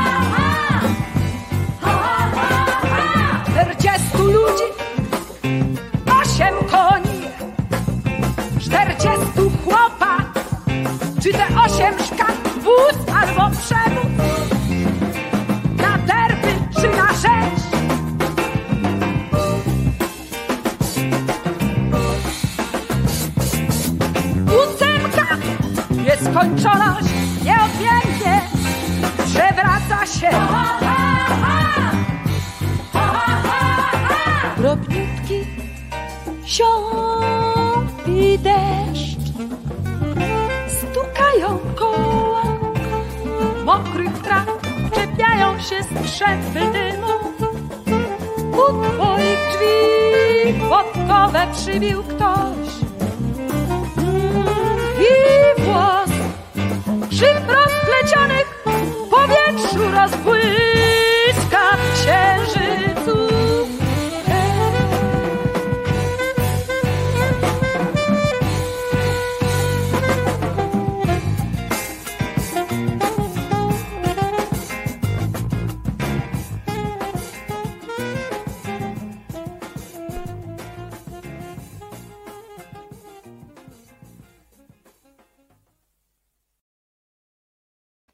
Co sądzicie, sądzicie o, o, o tym e, zespole? E, według mnie fantastyczna muzyka. Uwielbiam. Zobaczcie, jak fajnie grano w Polsce w latach 70. E, cudowna. Dla mnie cudowne to, to co się działo, tam jak sekcja rytmiczna grała, genialny i w ogóle i tekst jaki, jaki fajny. I potem się dziwmy, że, że to nie trafiło do, do radia. No, no nie trafiło na on czas do radia, bo trafić nie mogło. Bardzo Wam dziękuję za wczorajszą akcję komentarzową z wierszykami, z dwóch wierszami. 95 komentarzy się pojawiło, w tym tylko jeden mój, bo odpowiedziałem jednej osobie, bo Albin z Bri, który właśnie się tu pojawił, napisał, że kurczę, nic mu nie idzie, no to mu napisałem wierszyk za niego, ale proszę bardzo, na górze róże, przypomnę, że wczoraj e, była propos wpisów do pamiętniczków e, kiedyś, e, na górze róże, co tam pamiętacie, na dole, na dole smród, a my się kochamy jak groch i bób na przykład, nie? I coś takiego. No więc spisaliście się 95 do 1000 daleko, ale może za którymś razem uda się i, i to. Na górze róże, na dole mięta, niech se krzyżania kto zapamięta. Na górze Wojtko, na dole Czesio, bo to kochany jest jego piesio. Na górze owieczek, na dole pantera. My was kochamy, kochana Szydera. E, e, Młynko napisała chyba. Na górze róże, na dole kawał flaka. Wszyscy kochamy Wojtka Krzyżaniaka, żeby przeczytać już tylko te takie turbo, turbo przyjemne. Ale na, na przykład jest też Reptyl napisał na górze, Reptyl w ogóle kilka napisał, na górze róże, na, na góry szczycie, czuć moc mocz Jezusa, jak uwierzycie. E, e, Ewelina tam się też e, wypruła po prostu na maksa na górze róże. Audycja w szyderze, lubię kiedy Wojtko się za ględźbę bierze. Albo Adam pisze, na górze Jezus, na dole radio w Polsce Tadek jest obskurantem. I można, można. Na wielki, niewielki stadion, lecz małe boisko, Wojtko na szyderze zapowiada, zapewnia nam wszystko. Jestem, słucham, obserwuję, pisze Paweł Jachu i nic nie napisał żadnego wierszyka. Coś tam potem chyba napisał. E, Grzegorz pisze, róże na górze, fiołki na dole, jak mi się nie chce, o ja pierdolę, nie? I słusznie Janusz napisał, na górze róże, na dole korzenie, istnieje nadzieja, że się już nie zmienię. I jak zostałem agapitem 40 lat temu w KMF Wąż Morski Świnoujście, tak jeszcze jakiś czas pozostanę. I Janusz miał urodziny akurat, przecież składaliśmy mu reptyl jeszcze potem na górze róże, to tej na górze róże, tej co jej nie ma, zdarzył się cud, to nie jest ściema, proszę bardzo. Elunia pisze, na górze Iba, na dole ryba miał być pewnie, na górze ryba, na dole łuski, wierszyk tak mądry jak Marek Suski. Zresztą Ela napisała to również dzisiaj na czacie E, e, i e, na górze róże, na dole pokrzywa, Pauli wpisze, na górze róże, na dole pokrzywa parząca.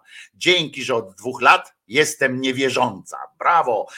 Na ścianie medal, na półce puchar, jaki krzyżaniak powie dziś suchar, akajaka. Na górze owies, na dole żyto, jak łatwo w Sejmie być erudytą, Agnieszka pisze. Micham pisze, na górze róże, na dole czary mary, nikt z nas sukienkowym już nie da wiary. Super. Agnieszka jeszcze raz, na górze róże, na dole a mnie się marzy miłosny fikołek i żeby się spełniło.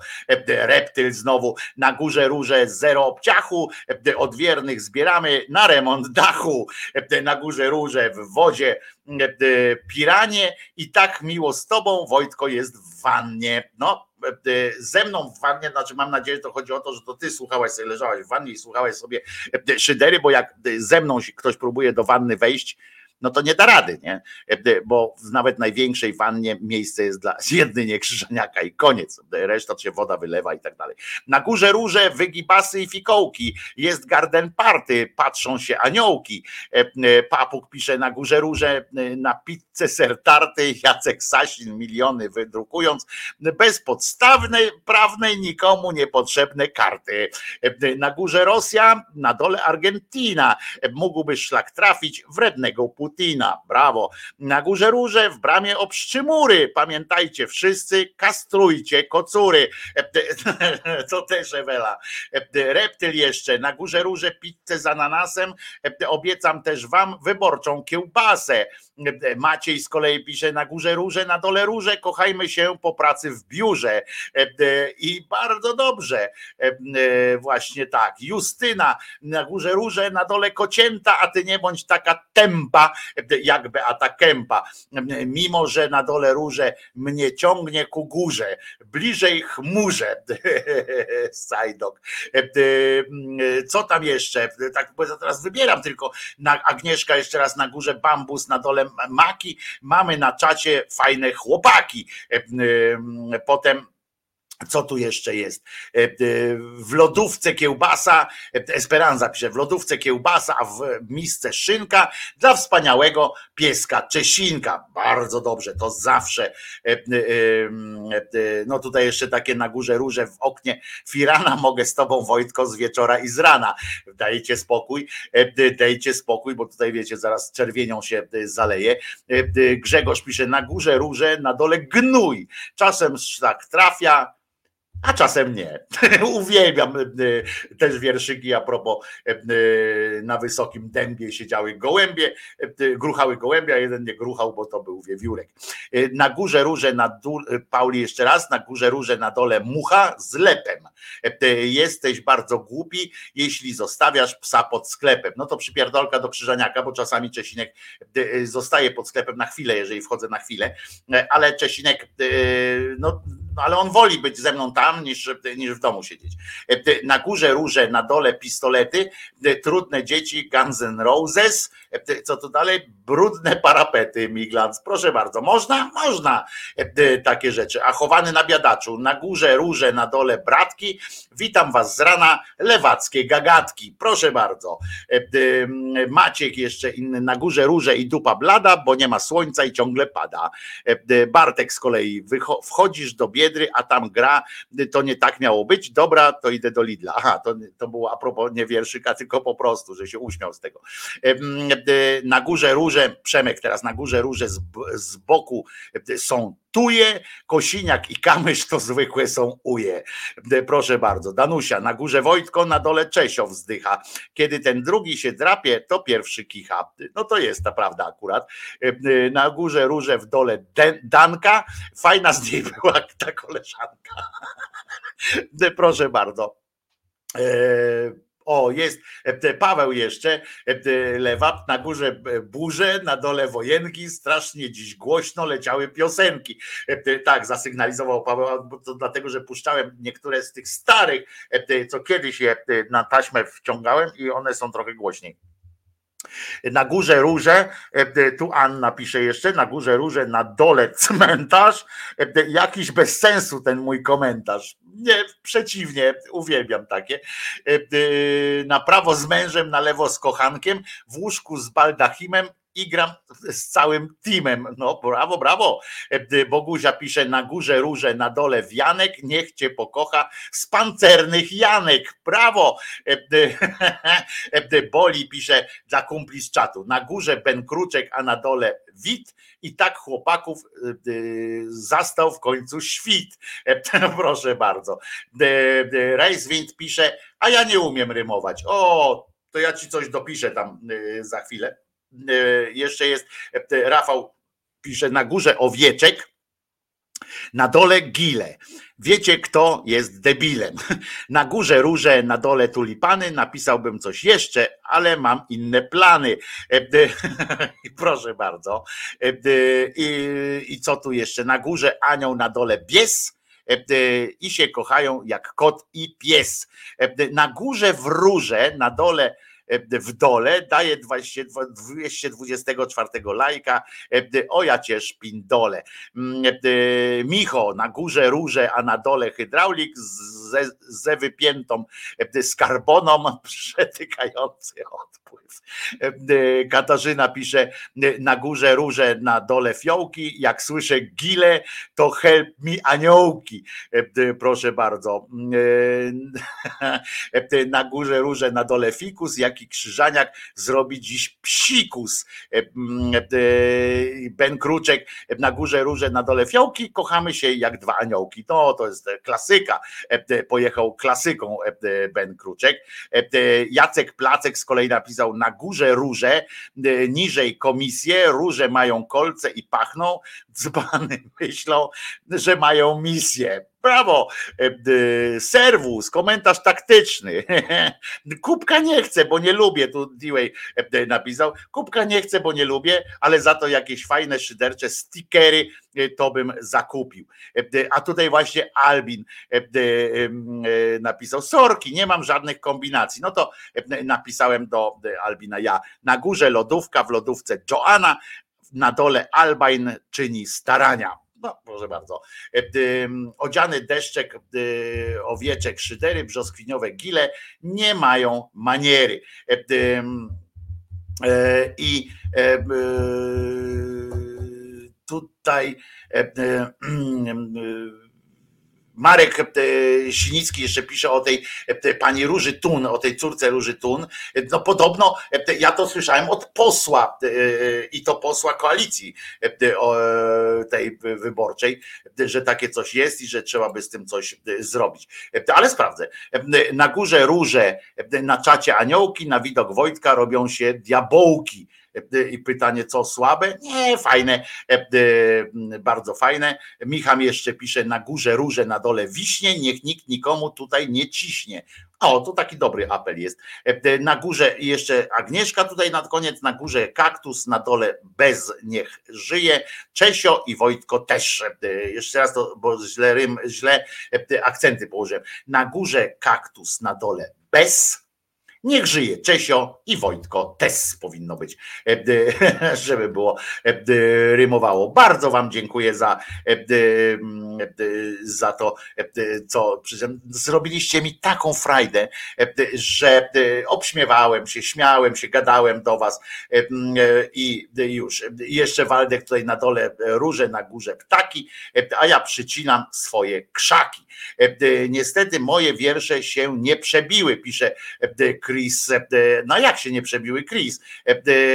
Gdzie się nie przebiły? Co je wykasowało? Bo pamiętajcie, że ja nie kasuję, ja nie kasuję tych wpisów, natomiast czasami się tak zdarza, że, że ktoś ktoś, że same tak po prostu znikają. No i patrzę tam, szukam cię, Chris, i, i nie widzę, Chris, twoich Twoich wpisów. Paula Kajaka, Chris, no nie widzę Chris, twoich, Twojego rymu. Więc, więc żebym nie, nie, nie pominął na pewno rymu, nie, nie widzę. Nie mogę znaleźć w każdym razie. Jeżeli możesz, to dodaj tutaj teraz na czacie, a z pewnością odczytam, jeżeli po prostu pominąłem, a, a nie chciałbym pominąć. Wszyscy mówią, że ta córka jest fachowcem wielkiej klasy, sprawdzonym na rynku. Może niech ona po prostu pracuje ku chwale ojczyzny. Elka mówi, dodaje tam do tej koleżanki Tun. Ja nie wiem, ja, ja ja chcę wierzyć, że, że jej nikt nie zatrudnił, dlatego że, że może. E, a to może faktycznie się kasnęło, to napiszę jeszcze raz, pisze Chris. Bardzo dobrze. Dzisiaj to e, na pewno e, jeszcze sobie z pewnością zajrzę sobie tam na wczor- pod wczorajszy odcinek. Dzisiaj też Was proszę, bawcie się tym, tymi komentarzami, tam wpisujcie fajne wierszyki, co Wam do głowy przyjdzie byleby miłego coś. Nie mówię, że do mnie, ale do innych ludzi, do kogoś wpisujcie e, coś e, sympatycznego e, i tak dalej. Teraz będzie piosenka, która was zdziwi. Znowu, ale i też z roku 70, 1978 będzie to piosenka. A po piosence powiemy sobie trochę o, o dzisiejszych, dzisiejszym dniu, okoliczności, ale mam dzisiaj też dla Was coś, co kurczę nawet mnie zaskoczyło. Nie wiedziałem, i to się dzieje w Polsce. I to ma związek z religią, ale to jest coś niesamowitego. A teraz piosenka z 1978 roku, która was może trochę zdziwi, ale natychmiast, nawet z zamkniętymi oczami, może zróbcie taki eksperyment, zamknijcie oczy i pomyślcie, kto to śpiewa, a potem otwórzcie oczy i zobaczycie, sprawdzicie, to jest Przebój jest znany, piosenka jest znana, nie tak bardzo jak wiele innych tego wykonawcy, ale ale znana. E, e, więc nie powiem teraz, powiem na, na koniec e, tym osobom, które są na streamie audio, żeby też wiedziały. Piosenka z 1978 roku.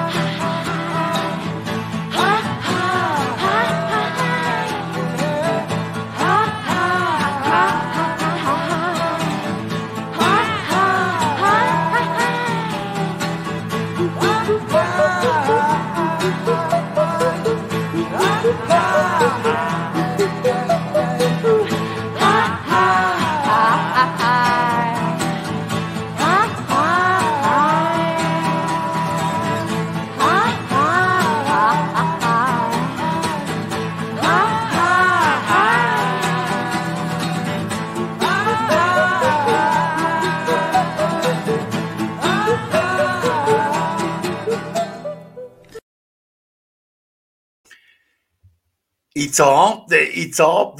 To był ma nam elektryczny prysznic z 78 roku i, i Kora oczywiście na wokalu, a obok niej pan Jackowski Marek i John Porter, który tam też głosu użyczał trochę. Było słychać John Porter, Marek Jackowski i Olga Jackowska. Wtedy nie wiem, czy ona była Jackowska, już chyba tak, byli po ślubie. Kora w każdym razie. I, i to jest to jest to, co czym się też zachwycam. Zresztą fantastycznie wtedy występowali. Jeszcze tam byli inni muzycy Y, którzy przez Manam się y, przewinęli w tamtym okresie. Y,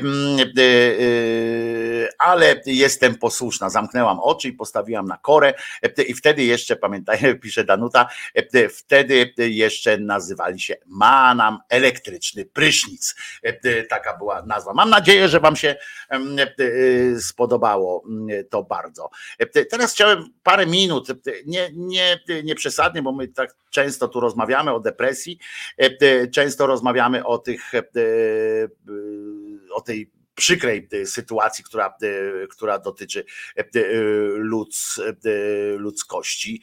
Mm, dzisiaj jest, no ale dzisiaj jest ogólnopolski Dzień Walki z Depresją. Jeszcze raz powtarzam, nie cierpię takich określeń Dzień Walki z Depresją, bo to znaczy, że co, że innego dnia nie walczymy. Mm, I w 2001, tak z obowiązku takiego dziennikarskiego, załóżmy, mówię, to jest w 2001 roku mm, zostało to e, ustalone, tam są nawet są wątpliwości, czy 2001, czy drugi. Ale e, Wiecie, że ja sam jestem, jestem w depresji. Okresowo zwrotnie mam epizody mocniejsze, słabsze. Ja nie, nie mam całe szczęście dwubiegunówki, w związku z czym nie mam tych momentów euforii, po których spadam jeszcze, wiecie, dużo, dużo niżej, ale, ale E, ale e, i tak e, nie jest przyjemnie. Teraz jestem też w trakcie, w, w, czasie takiego epizodu, nie tak, nie tak dramatycznego jak bywały, ale, ale mam ten moment głupich myśli i tak dalej, mm, takiego poczucia braku momentami braku serc, sensu, poczucia sensu takiego na przyszłość, lęku o przyszłość i tak dalej, i tak dalej. Chciałem wam powiedzieć, że żebyście się przypadkiem, w naj, żebyście się jakby to powiedzieć, żebyście przez moment nawet nie czuli, mam nadzieję, o właśnie, inaczej powiem, bo ja wiecie, że ja się nie przygotowałem do tej, do tej mowy specjalnie, ale chciałem Wam powiedzieć, że najważniejsze w tej, w tej całej y, sytuacji, mm, tego, tej audycji w ogóle, tej głosu szczerej słowiańskiej szydery, jest dla mnie to, że udało się kilka osób, y, takich, o których wiem, namówić do aktywnego wzięcia się za bary z tą, z tą deprą. Kilka osób e, zdało sobie sprawę, przynajmniej kilka osób z tych, których ja wiem, z którymi mam kontakt, zdało sobie sprawę, że z tego, że z depresją można żyć, to znaczy nie traktować jej afirmatywnie, nie tam nie rozpieszczać jej w, w sobie, ale żeby e, jakby ją trochę udomowić, e, trochę ją oswoić w tym sensie, żeby nie stała się, nie stawała się przyczynkiem do wykonywania dramatycznych, różnych drastycznych kroków, e, do podej- żeby nie była e, takim wiodącym elementem w podejmowaniu decyzji również życiowych, takich co zrobić ze sobą i tak dalej. Nie mówię o żadnych odkładaniu łyżki, tylko o tym, jak prowadzić swoje, mm, jak prowadzić swoje e, życie. I, I to jest ważne To jest ważne, bo pamiętajcie, że depresja jest chorobą, która tak jak jest kilka takich chorób związanych z bakteriami na przykład, czy z kimś tam, że ona w was jest, prawda? W was jest i to jest tak jak ci od uzależnień. Pamiętajcie, do wszystkich mówię tych, którzy przeżywali epizody depresyjne, mieli takie epizody depresyjne, pamiętajcie, że o siebie trzeba dbać. Niech nauczką z depresji, bo to nie zawsze jest chore, to są różne przyczyny depresji. Mówi się też o depresji takiej, no nazwijmy to organicznej, ta, która jest jakby w mamy potencjał, niektóre osoby mają większy potencjał e, do depresji. Nikt nie rodzi się po prostu z depresją. E, na razie przynajmniej takich e, badań nie ma, że ktoś się rodzi z depresją, tak, prawda? Ale są te, są te mm, są potencjały różne, ale pamiętajcie też, że depresja to nie jest koniec świata. Z depresją można żyć, można sobie poradzić, ale powtórzę, będę się powtarzał w niektórych kwestiach, bo tak jak powiedziałem, nie przygotowałem sobie specjalnej okolicznościowej mowy. Depresja jest niebezpieczna y, y, w każdym swoim stadium, ale kiedy jest, y, kiedy nieleczona jest, to jest bardziej niebezpieczna. To jest choroba śmiertelna. Powiem wam, że to jest choroba śmiertelna na wielu poziomach nie tylko na poziomie takiej zwykłej, e, e, takim zwykłym, czyli e, mówimy o odkładaniu łyżki i tak dalej, o decyzjach takich zero-jedynkowych, ale ona jest śmiertelną chorobą, ponieważ potrafi zabić nasze więzi społeczne, naszą sieć kontaktów, naszą sieć, sieć społeczną, tą naszą najbliższą, potrafi zabić. Potrafi być, potrafi depresja, potrafi zabić nasz związek, potrafi zabić naszą miłość, Mm, potrafi zabić e, wszystko wokół. E, to jest niszczące, to jest dzieło niszczące, e, które dotyczy również osób, które w tym współuczestniczą. Depresja jest zabójcza również dla osób towarzyszących. I choćby również ze względu na nich, pamiętajcie o tym, nie bójcie się o tym mówić. Znam takie przykłady, zresztą to w literaturze fachowej, którą się zajmowałem i tak dalej, są opisane takie rzeczy również, które mają wpływ, ta depresja ma wpływ bardzo niszczący na towarzyszące wam bliskie osoby. Może mieć, znaczy nie ma, może mieć, jeżeli uczynimy z tej swojej depresji mm, część swojej, część siebie, którą, w którą będziemy karmili, którą będziemy karmili osobami e, bliskimi e, czy, czy znajomymi. Bo czasami tak bywa niestety, o tym jeszcze tutaj nie mówiliśmy. Czasami tak bywa niestety, że my karmimy swoją depresję e, próbując od niej, próbując się od niej e, uniezależnić, próbując e, ją jakby e, zneutralizować trochę, karmimy tę swoją depresję naszymi bliskimi. Poświęcamy ich, wrzucamy, wrzucamy ich, tych, tych naszych bliskich, jakby kładziemy ich na ołtarzu, tak? czynimy z nich ofiary e, tej depresji. E, e, to jest trochę tak jak wśród narkomanów, że mm, bądź ze mną, podświadomie trochę dążymy do, do czegoś, żeby osoba z nami związana E, współdzieliła naszą, naszą chorobę. Tak jak narkoman bardzo często, e, e, bardzo często, czy najczęściej doprowadza swojego partnera, partnerkę do współuzależnienia, nie w takim sensie, że ten ktoś jest, ma tam jako osoba towarzysząca i tak dalej, tylko również przystępuje do nałogu. To depresja też tak właśnie próbuje wciągać naszych bliskich w te relacje. Dlatego właśnie trzeba być z tymi ludźmi uczciwym, uczciwymi. Trzeba im o tym powiedzieć i trzeba wspólnie czasami, kiedy to jest e, możliwe, kiedy to jest potrzebne, wspólnie brać udział e, w terapii, ale z tym pamiętaniem, że nie oboje jesteśmy e, na tym samym etapie, że nie obarczajmy tej drugiej osoby czymś takim, tą chorobą. Nie, nie sprawiajmy, że, że ta druga osoba czuje się też chora, że czuje się na przykład w, w w, czuje się w obowiązku na przykład współczuwać z wami. Nie bójcie się mówić swoim bliskim o swojej chorobie, bo dużo gorsza dla związku, dla bliskości, nie tylko na poziomie romantycznym, ale też takim zwykłym rodzinnym czy przyjacielskim.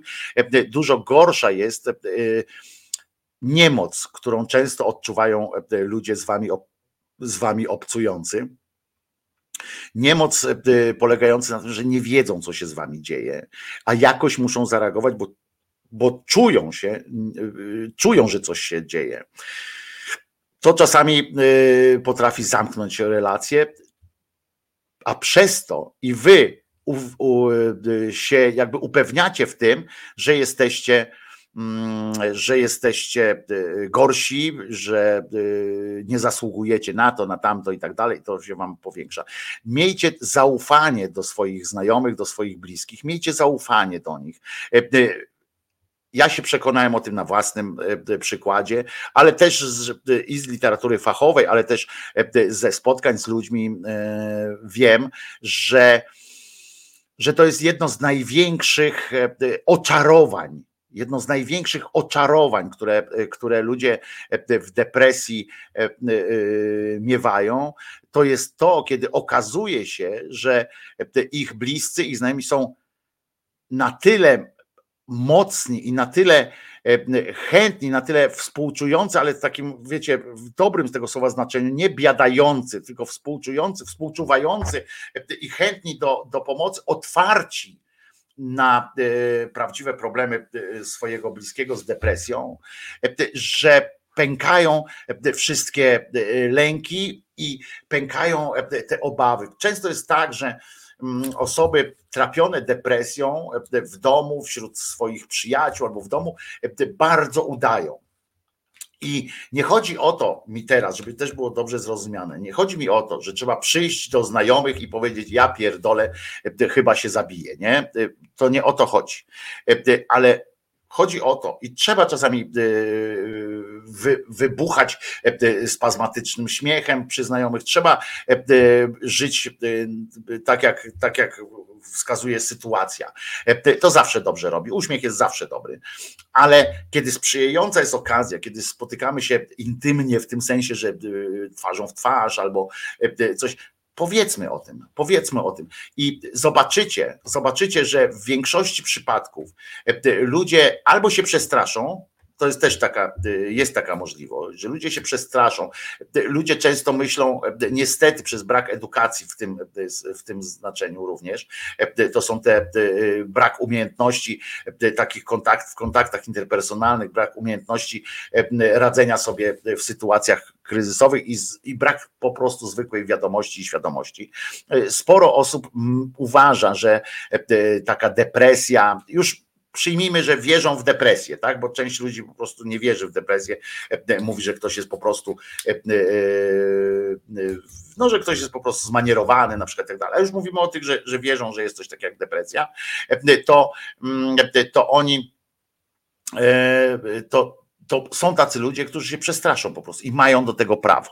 I też pamiętajcie, że jak się ktoś przestraszy takiej sytuacji i jakby zwolni kontakt z wami, zluzuje trochę i tak dalej.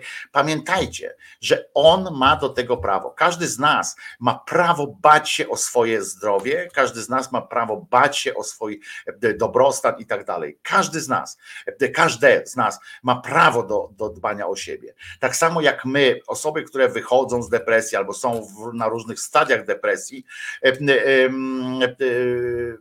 mamy prawo do dbania o siebie i do, y, prawo do zmiany swojego sposobu życia. Ja musiałem zmienić mocno sposób swojego życia, y, y, bo w mojej sytuacji depresję bardzo stymulował, stymuluje stres. Ja mam bardzo związaną ze stresem, z poczuciem somatyczki też. To są bardzo u mnie związane sytuacje, ale ze stresem długie przebywanie w stresie nie tak długie, człowiek nieobarczony tym e, depresją potrafi dłużej przebywać w stresie, e, bez skutków jakichś takich długoterminowych.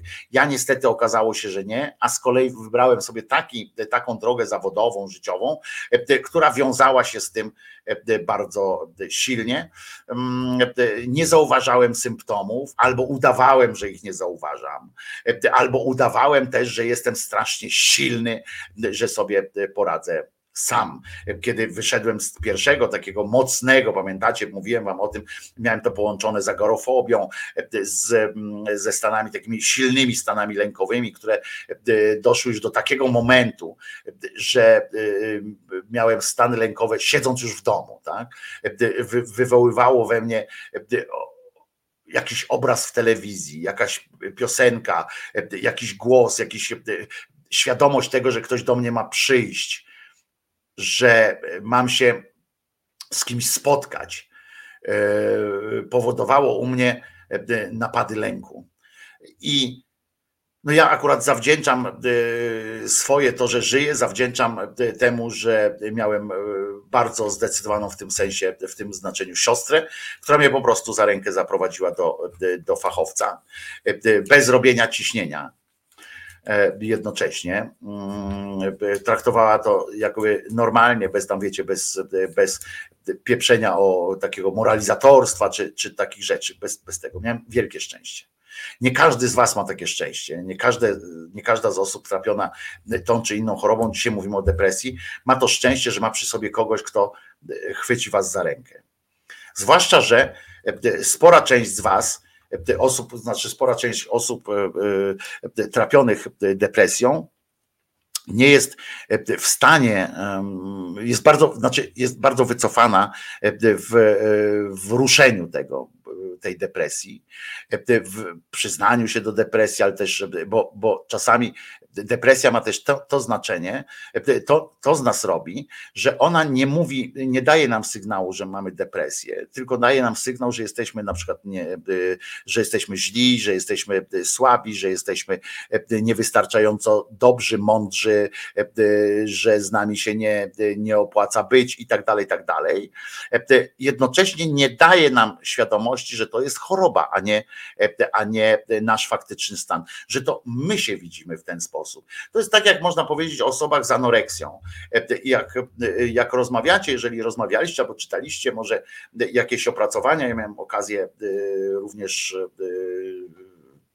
popracować trochę z osobami, czy, czy współpracować, czy bardzo mocno mm, doświadczyłem takiej, takiego środowiska tego anorektycznego, ja akurat nie, całe szczęście nie miałem tego, to wiecie w, w, czym tkwi problem e, w anoreksji? E, problem tkwi w tym, że te osoby e, patrząc na siebie widzą się zupełnie inaczej. Zupełnie inaczej, nie widzą się naszymi oczami. One, te osoby widzą się piękne. Te osoby widzą się, widzą, widzą się po prostu widzą, że spełniają swoje marzenie e, na początku. Potem oczywiście, jak sobie zdają sprawę i tak dalej, no to już inna zupełnie sytuacja jest. Ale my myślimy, jak można, my tak patrzymy na kogoś z anoreksją, w takim dużym już, e, mocnej anoreksji, kto wygląda po prostu z naszego punktu widzenia jak szkielet. Mówimy, no patrzymy na, na taką osobę, mówimy, kurde, przecież to jest e, skóra i kości, to takie wiecie, dosłownie, prawda? I mówimy, jak ten ktoś może nie dostrzegać tego? Jak, ktoś, jak ten ktoś e, e, może nie dostrzegać tego, że jest, e, że robi sobie krzywdę? Otóż może, bo na tym właśnie polega choroba, na tym właśnie polega choroba, że nie dostrzegamy, że nie widzimy się oczami z zewnątrz, że nie widzimy się oczami racjonalizmu, racjonalnymi, że nie spoglądamy na siebie obiektywnie. Nigdy nie spoglądamy na siebie obiektywnie, ale w tym przypadku nie dopuszczamy. Tutaj Bata dodaje oczywiście, że cały czas widzisz, że jesteś za gruby i tak dalej. Tak, ale dlatego mówię o tym, że spełniasz swoje marzenia, że jakby jesteś coraz, coraz bliższa ideału, coraz bliższa ideału. W dobry kierunek to jest. I o to chodzi. ale widzi się swoimi oczami, widzi się oczami swojej choroby. To dotyczy wszystkich i uzależnień i tak dalej na pewnym poziomie. Nawet jak ktoś wam powie, nawet jak ktoś wam powie, że no ale ja sobie zdaję sprawę z tego, że e, piję za dużo, że pan to nie ten kierunek, ale dalej nie dopuszcza do siebie tak na poziomie tym takim już e, najniższym, naj, naj, najważniejszym e, tego, że to jest nieuniknione. Potem, jeżeli już sobie zda sprawę z tego, że to jest nieuniknione, to się wiąże z depresją znowu i się koło zamyka. I to samo jest w depresji. Jeżeli rozmawiacie, czy, czy jak ja rozmawiam z osobami, a jest tu was kilkoro osób, które, z którymi rozmawiam o tym, to największym problemem tych osób jest to, że cały czas, cały czas, nawet jak wprost mówisz, słuchaj, masz depresję, to jest, to jest, to jest, to jest ewidentne, to ten ktoś mówi, no tak, niby, no, no dobra, mam, ale, ale to już tak będzie, nie? To po prostu, no ale ona się z czegoś bierze, ona się bierze z tego, przecież ja faktycznie taki jestem i, i wracamy z powrotem do widzenia siebie. Trudno jest uwierzyć, trudno jest uwierzyć w to, że można zmienić swoje życie. Ja wam opowiadałem kiedyś, e, e, ja wam opowiadałem kiedyś taką sytuację, kiedy doszedłem do takiego momentu, kiedy siadałem przy oknie, e, siadałem przy oknie, naprzeciwko mojego e, e, okna był przystanek autobusowy i patrząc jak ludzie wsiadają do tych autobusów kolejnych, odczuwałem z jednej strony strach, straszny strach odczuwałem, bo się jakąś taką wcieleniówkę robiłem, takie, takie coś, że wydawało mi się, że też tam myślałem o tym, co by było, jak ja bym tam wsiadł do tego e, autobusu. I w domu przed lustrem dostawałem już ataku paniki. Ale dostawałem też strasznie, strasznego, i to było najważniejsze. Bo atak paniki mogłem zakrzyczeć, mogłem e, zrobić coś tam. Ale najgorsze, e, najgorsze w tym wszystkim było to,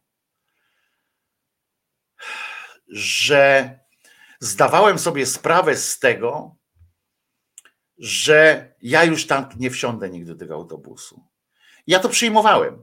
Ja to przyjmowałem, ja to przyjąłem jako pewnik, że ja już jest, ja resztę życia spędzę po, spędzę po tej stronie lustra, po tej stronie e, szyby.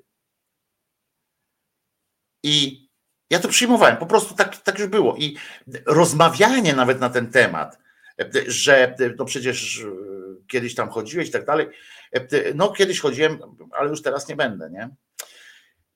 To sprawiało mi ból, taki fizyczny ból, że moje życie się skończyło.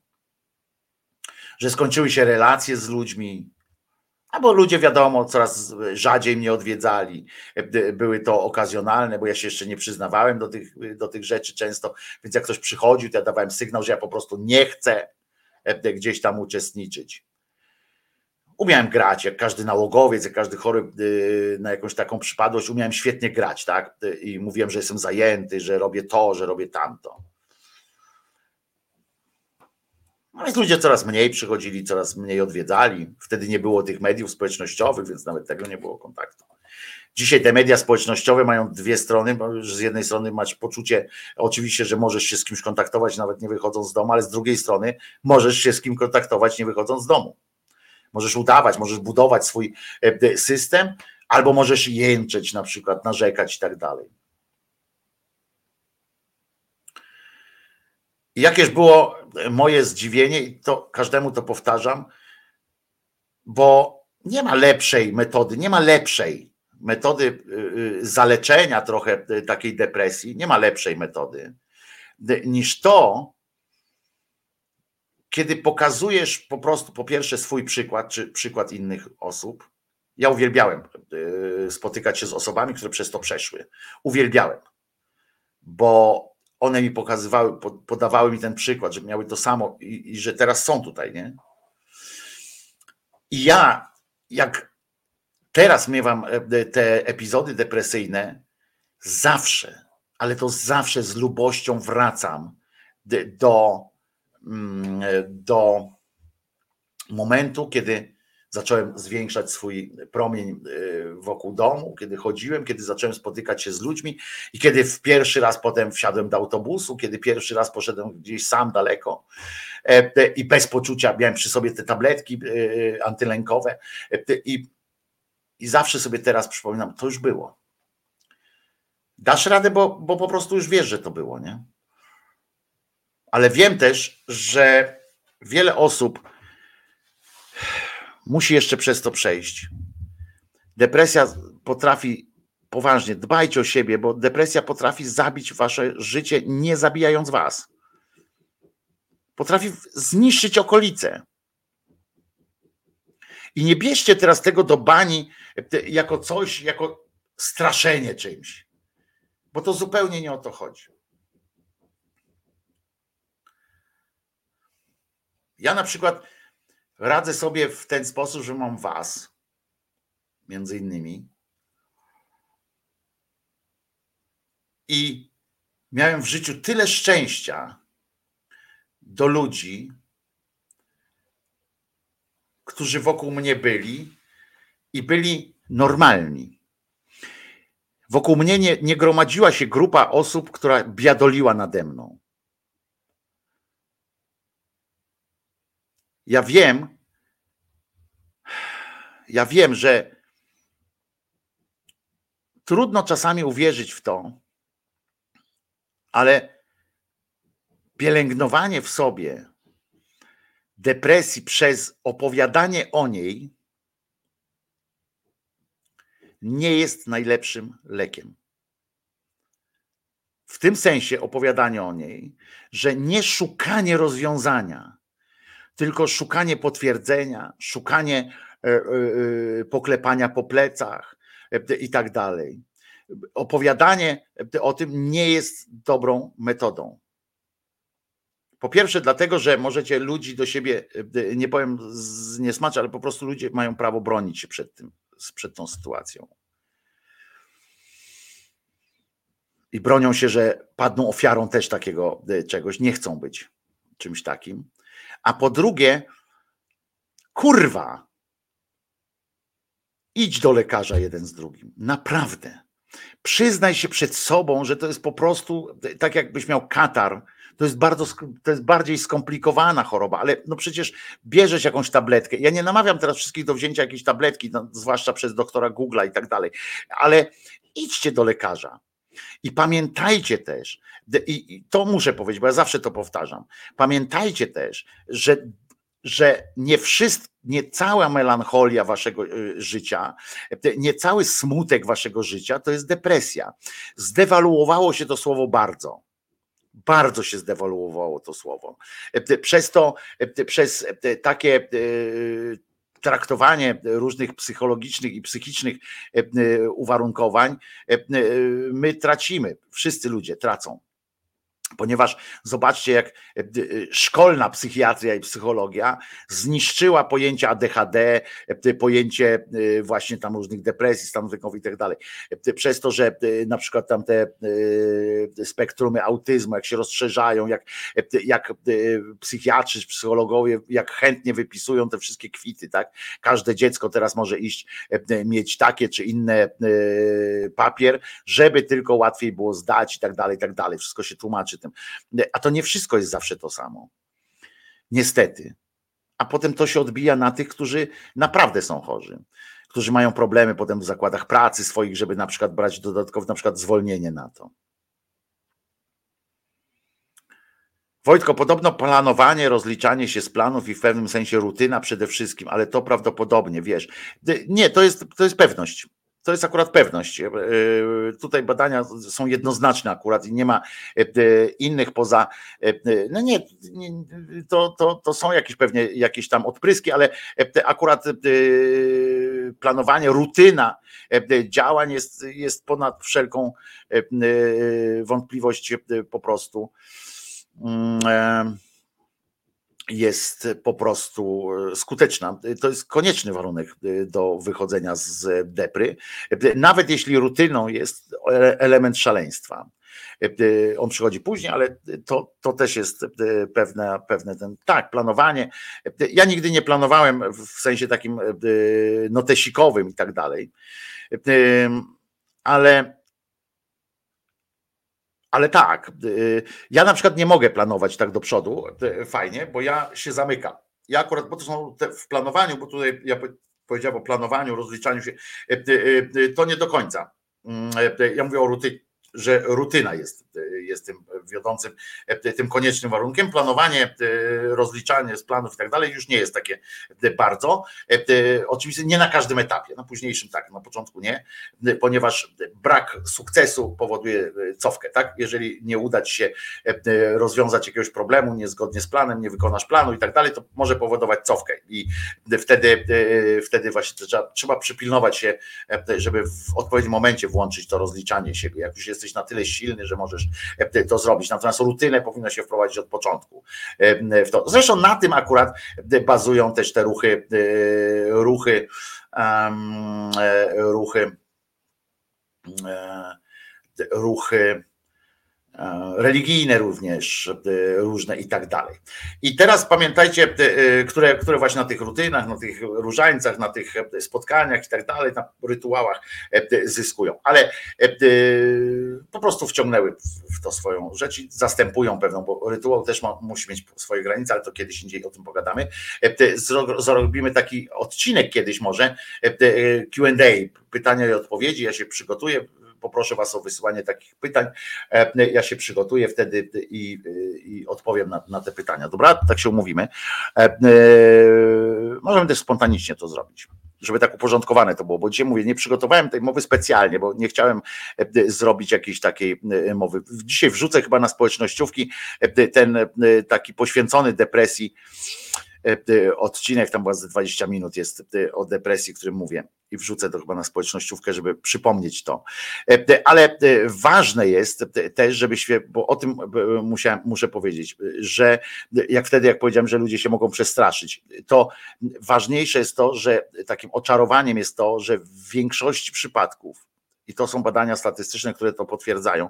W większości przypadków ten najbliższy krąg przyjaciół, znajomych, y, rodziny, okazuje się bardzo e, wspierający i okazuje się bardzo rozumiejący i okazuje się bardzo silny e, ten, ten krąg, że, że ta osoba, te najważniejsze osoby okazują się silne, ale, do, ale tylko w momencie, kiedy podejmiecie działanie, jeżeli, e, bo, bo wiecie, wszystko można rozwalić. Tutaj ktoś napisał, e, że, mm, e, że poczekajcie, jak to jest. Aha, Paulus, depresja ma tylko jedną, chociaż gorzką korzyść, bezbłędnie weryfikuje przyjaźnie. Nie, nie.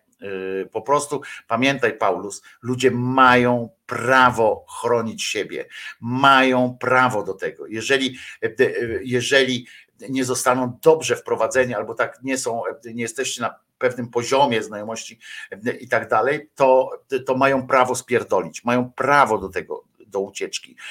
I to nie ma nic wspólnego z tym, że jakby oni, jakby to jest walka między sobą a kimś, nie? I mają prawo do tego ludzie, żeby zadbać w pierwszej kolejności o siebie. Nie można mieć, nie można mieć do nich pretensji. Natomiast pamiętajcie, że bliscy naprawdę okazują się ten lęk przed oceną, lęk przed odrzuceniem, lęk przed przyznaniem się, że jak się przyznamy do tej depresji, to nas zostaniemy odrzuceni i tak dalej, i tak dalej, to, to jest masakryczna sytuacja. Ona ma dużo, ma często miejsce. Dzieje się, że tak powiem, przy każdej okazji depresyjnej.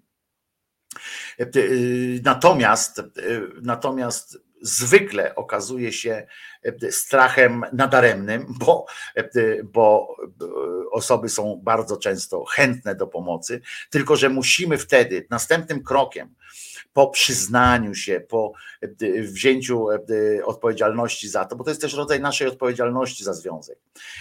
Ta nasza depresja, czy nasza choroba, każda inna, jeżeli się nie przyznamy do tego naszemu partnerowi, partnerce, ojcu, matce, ciotce i tak dalej, którym chcemy nawiązywać kontakt, jeżeli nie będziemy, nie przyznamy się, to znaczy, że nie jesteśmy wobec nich uczciwi i nie bierzemy odpowiedzialności za to wszystko. A potem najłatwiej jest powiedzieć, to jego wina, to jej wina, prawda?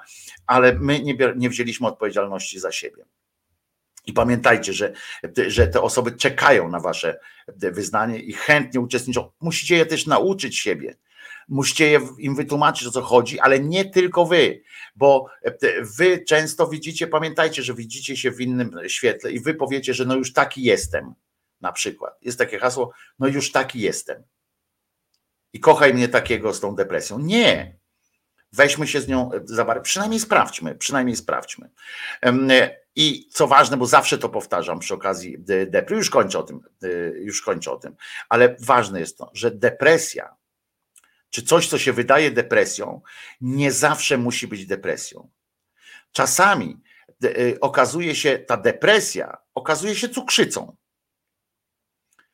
E, czasami okazuje się e, jakimś, jakimś, jakąś inną chorobą, która wpływa na, na organizm. To są bardzo często sytuacje z naszym drugim mózgiem, czyli z układem trawiennym całym.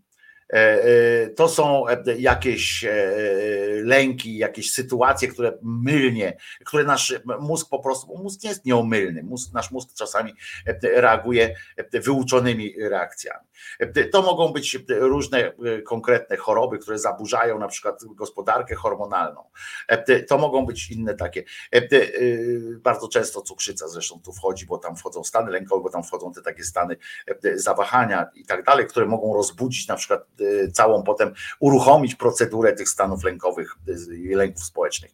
Więc warto, warto również y, przebadać się od tej strony, przebadać ciało po prostu, i żeby wyeliminować choćby te różne elementy. Pamiętajcie, że ktoś, kto, u kogo zaczęły się te depresyjne, lękowe sytuacje od, od cukrzycy, to on już teraz ma faktycznie te y, zachowania depresyjne i tak dalej, i tak dalej, więc też o tym też będzie musiał dbać, ale bez wyleczenia tej cukrzycy on się nie wyleczy z tej depresji, bo można się napierdalać e, środkami antydepresyjnymi, e, tabletkami, ale jeżeli źródła nie dotykasz, bo te tabletki przecież nie poprawiają, e, nie poprawiają ani sytuacji hormonalnej, ani właśnie cukru, nie, ani nic takiego nie robią, nie?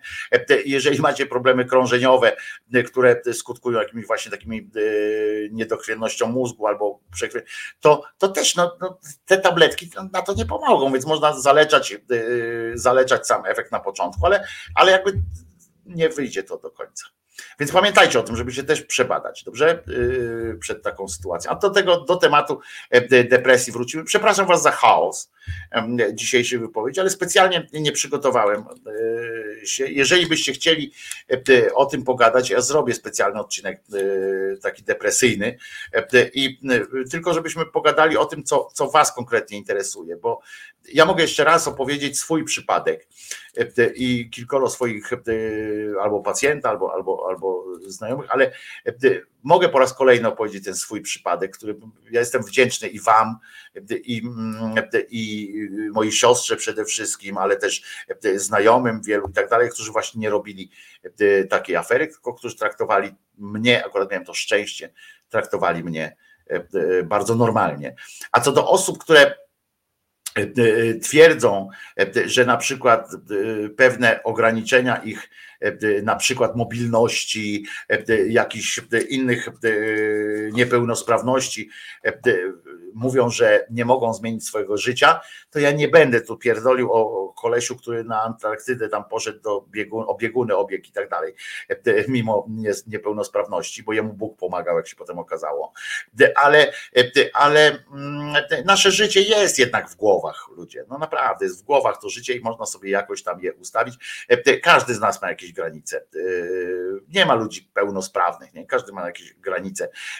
To chodzi tylko o nasze myślenie o tym. Tak, tak mi się wydaje i będę się tego trzymał jak pijany płotu. A teraz piosenka i kolejna piosenka dzisiaj, właśnie z lat 70., a potem będzie jeszcze oczywiście będzie to moje urzeczenie, które, które zobaczyłem, religijne uniesienie, które mnie zaskoczyło, bo naprawdę nie wiedziałem, że w Polsce, również w Polsce coś takiego istnieje. No to co? To może coś takiego teraz był już Niemen w standardzie pewnym, który śpiewał po włosku. Może byście chcieli też usłyszeć e, e, inną z jego piosenek, chociaż nie, bo taką mamy zasadę, że, że puszczamy zwykle e, jedną piosenkę danego wykonawcy w, w audycji. No to może zespół Trubadurzy z panią Żydkowiak na wokalu.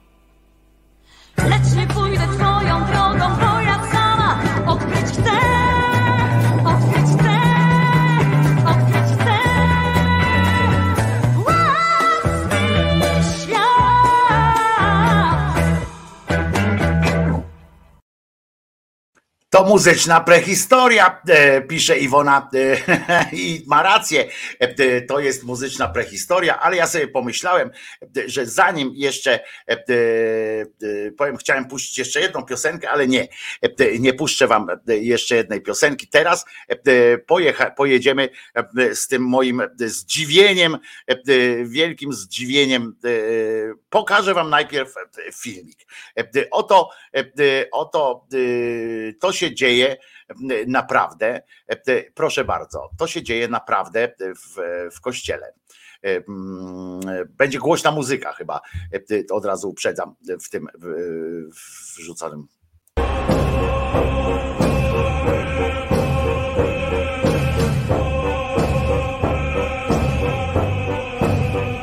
To się naprawdę dzieje, nie wiem to jest żywy człowiek, żywy człowiek. To jest katolik. Zaraz wam powiem. Zobaczcie. Teraz panowie tutaj te chodzą, tutaj idą, idą z tyłem. Rozumiecie? Zielony kapitular, zielone ludzie. No i dobra. No i oni go potem tam spadają i e, robią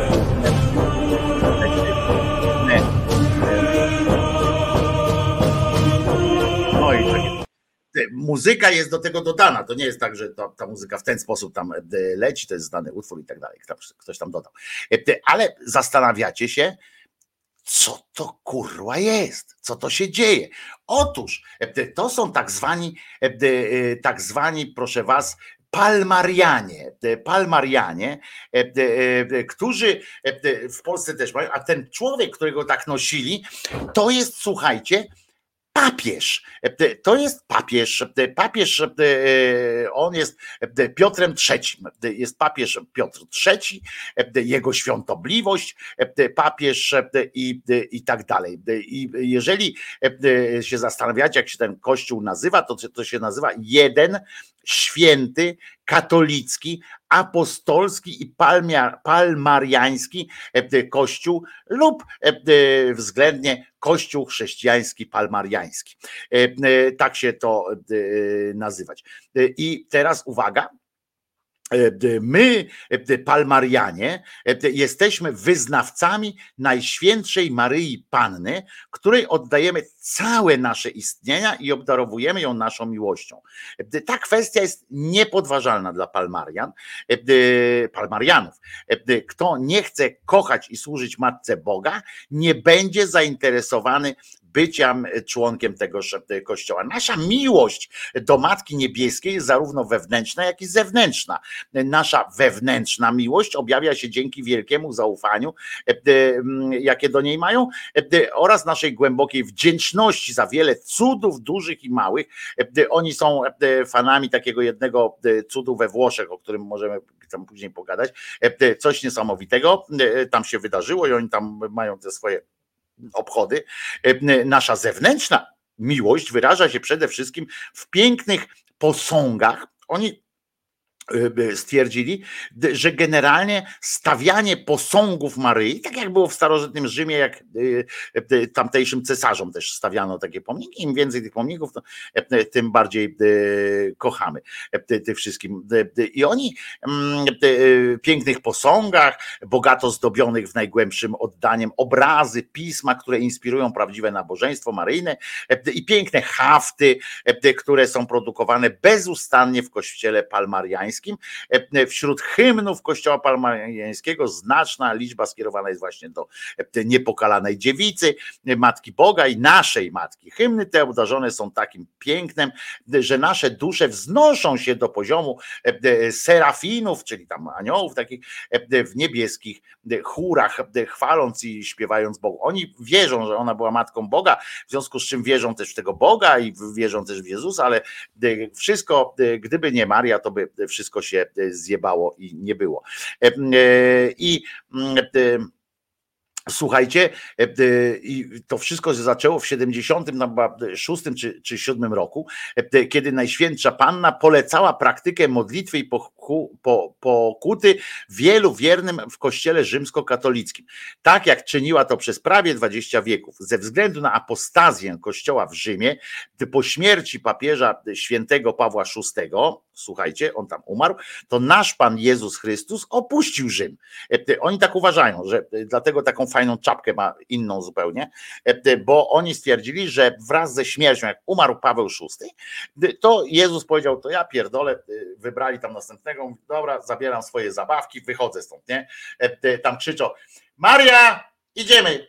I wziął po prostu, poszli stamtąd razem. I wtedy bezpośrednio przekazał klucze świętego Piotra, bezpośrednio po prostu sam Jezus się w to włączył i powiedział, wychodził stamtąd i wtedy przekazał osobie papieża Grzegorza XVII Wielkiego oczywiście e, takiego tam u nich już tam był jakiś koleś, który w 78 roku stwierdził, że, że on wychodzi z tego kościoła razem, no bo jak Jezus zawołał tam Maria, idziemy, no to ten e, koleś też tam e, wyszedł i nazwał się Grzegorzem VII, wielkim od razu, zajebiście. To też trzeba umieć. I w ten sposób prawdziwy kościół został przeniesiony do El Palmar, El Palmar, Palmar de Troja i zachowując tradycje i obrzędy, które w kościele katolickim naucza i przekazuje od wieków, czyli oni zostali jako wierni, tam są nie są te, te synody, wszystkie ich nie obowiązują i tak dalej. W ciągu 10 lat, słuchajcie, niebiański dwór zamanifestował się wiele razy w tym El Palmar, przyznając, że, że to jest jakby to jest ta właściwa, właściwy kościół katolicki, umacniając duchowo, udzielając porad, słuchajcie, i przygotowując swe wybrane dzieci, by ostatecznie przenieść przenajświętszą stolicę e, z Watykanu do właśnie El Palmar de Troja. Przez 9 lat Chrystus, słuchajcie, e, u nich przygotowywał niektórych ludzi do kontynuowania dzieła, które nasz Pan ustanowił prawie 20 wieków wcześniej. E, oni do pewnego momentu byli e, jakby związani z tym kościołem, potem stwierdzili, że właśnie te, teraz jest, słuchajcie, bo jednak jednak Grzegorz umarł, zdarza się nawet takim papieżom, których bezpośrednio, nie przez e, Ducha Świętego czy coś tam, tylko bezpośrednio Bóg wskazał e, i powiedział, że wy będziecie. E, I to on potem jest teraz obowiązującym papieżem, jest Piotr II. Ze względu na, poko, na pokorę czczenia naszego Pana Jezusa oraz świętość wielu członków Kościoła, jeden święty katolicki, tamten Kościół, zasługuje na poważanie i podejmowanie. No i to jest e, fantastyczna mm, sytuacja. I teraz uważajcie, bo tu są noty tego prawdziwego kościoła, czyli to według czego oni się trzymają, że mm, jeden jest, jest jeden w wierze, ten Kościół, ponieważ prawda objawiona przez Boga jest ta sama dla wszystkich. Jest jeden w rządzie, ponieważ jest tylko jedna głowa widzialna, którą jest papież. I jest jeden w sakramentach, ponieważ są te same dla wszystkich wiernych Kościoła. Jest święty ten Kościół, ponieważ święty jest jego założyciel. Święta jest jego doktryna, święte są jego cele i wielu jego członków. Wielu, ale nie wszyscy.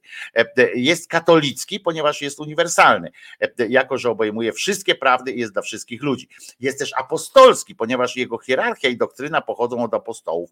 I jest palmariański, ponieważ jego stolica jest teraz w El Palmar.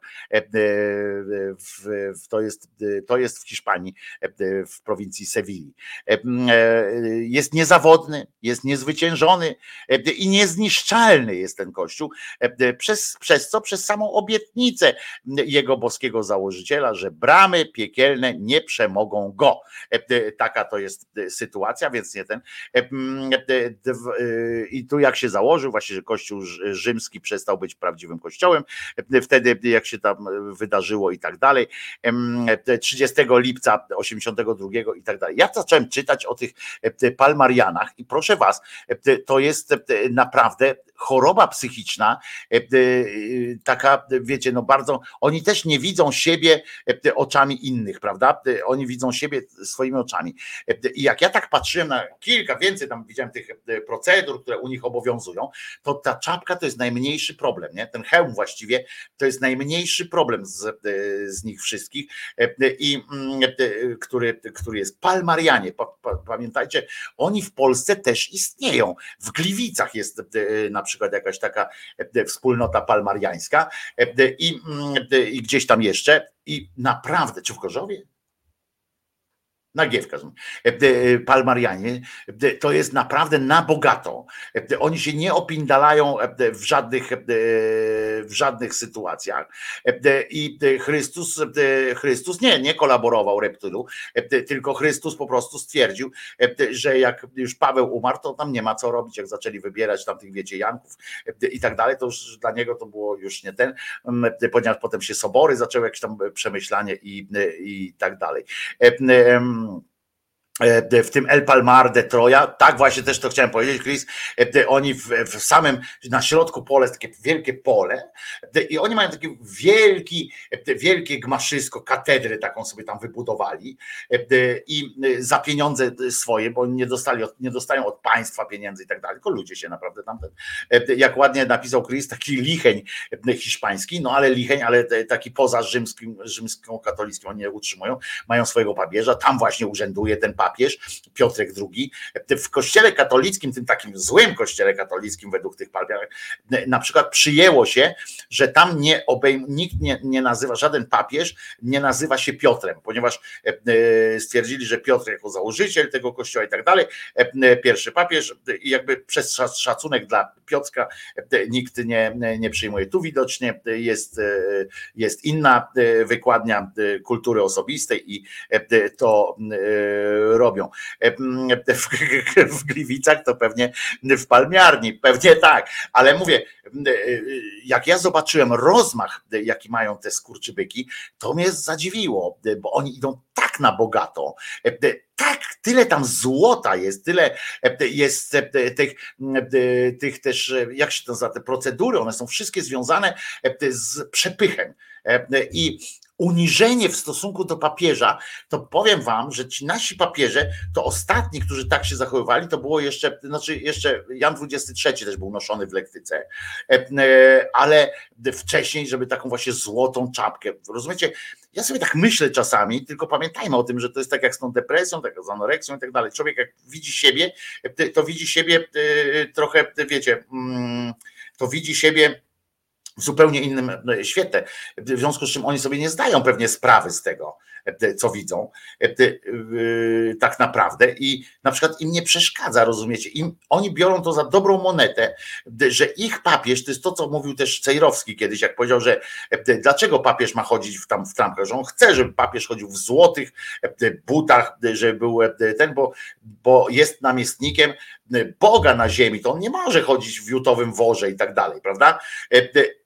I oni do tego podeszli systemowo. I u nich faktycznie wszystko musi być. E, Jędraszewski, nasi ci, e, ci księża, to tam przy nich, znaczy ci biskupi, to przy tych e, palmarianach, to są, to są po prostu małe, małe, małe miszki pod tym względem. Coś niesamowitego. Muszę, będę głębiej, będę głębiej wchodził w życie tych, tych palmarian, bo, bo to jest naprawdę niesamowita rzecz. Sobie wszedłem na, zobaczyłem też właśnie tą ich świątynię, to co, o której Chris pisał, niesamowita rzecz i niesamowita buta, która przez nich przemawia.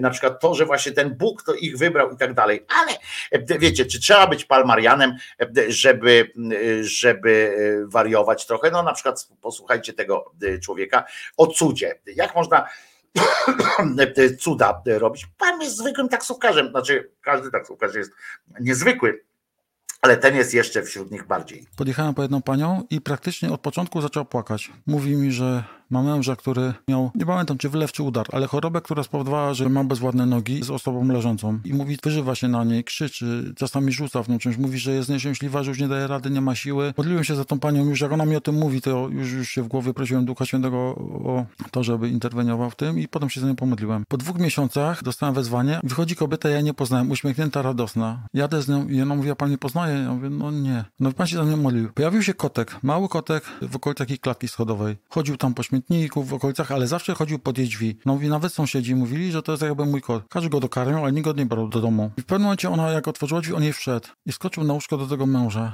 I on został. Ja mówię, jak ten kot przyszedł do tego domu, on do tego męża przygnął, ten mąż się zaczął nim zajmować i tak dalej. Mówi, wszystko się odmieniło. To są moje najszczęśliwsze lata, mój najszczęśliwszy okres, jaki miałem w życiu, nie? Więc poprzez takie działanie widziałem tą interwencję Boga. Ja od razu, wiesz, dziękowanie i tak dalej. Można? Można. Zobaczcie, ciekawe, kto się, kto się o mnie pomodlił, że się Czesiu zdarzył w moim życiu. Dziękuję bardzo w każdym razie. Jak się ktoś modli, zobaczcie, jak to jest Bóg normalnie Normalnie byście tak przechodzili, prawda, i pomyśleli, no kot, nie? No przyszedł do kogoś kot, jest, dobra.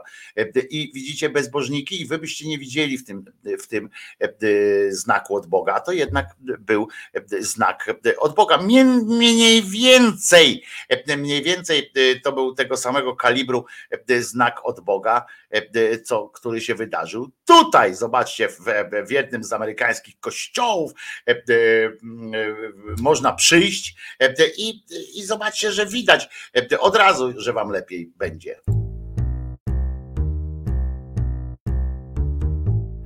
Podchodzimy, śmiało widzicie o kulach biedne dziewczę podeszło i zobaczcie, zanurzyj proszę bardzo. Proszę bardzo, e, można, można, zapraszamy, tam ludzie jeżdżą do tego Lourdes, e, czy w inne tam miejsca, tu proszę bardzo, pan e, się pomodlił, nawet mikrofonu z ręki nie, nie wypuścił, zanurzył pan dziewczynkę i ten, potem tę dziewczynkę odkryto jeszcze w kilku takich seansach, na kilku seansach jeszcze ta dziewczynka zdrowiała, widocznie być może, to wiecie, to nie, nie jest tak, że ona nie, nie wyzdrowiała, to pewnie chodzi o to, że trzeba było powtarzać ten, ten, żeby Bóg e, ją tam utwardził, te wszystkie e, kości, nogi e, i tak dalej, nie? Ale można, można.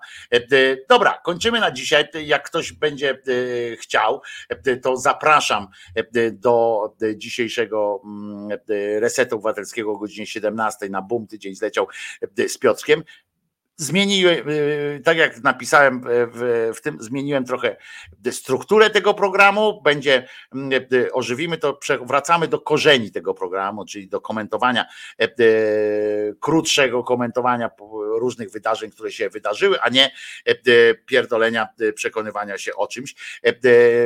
I no więc zobaczycie, y, co się dzieje. Będzie taki dzień po dniu.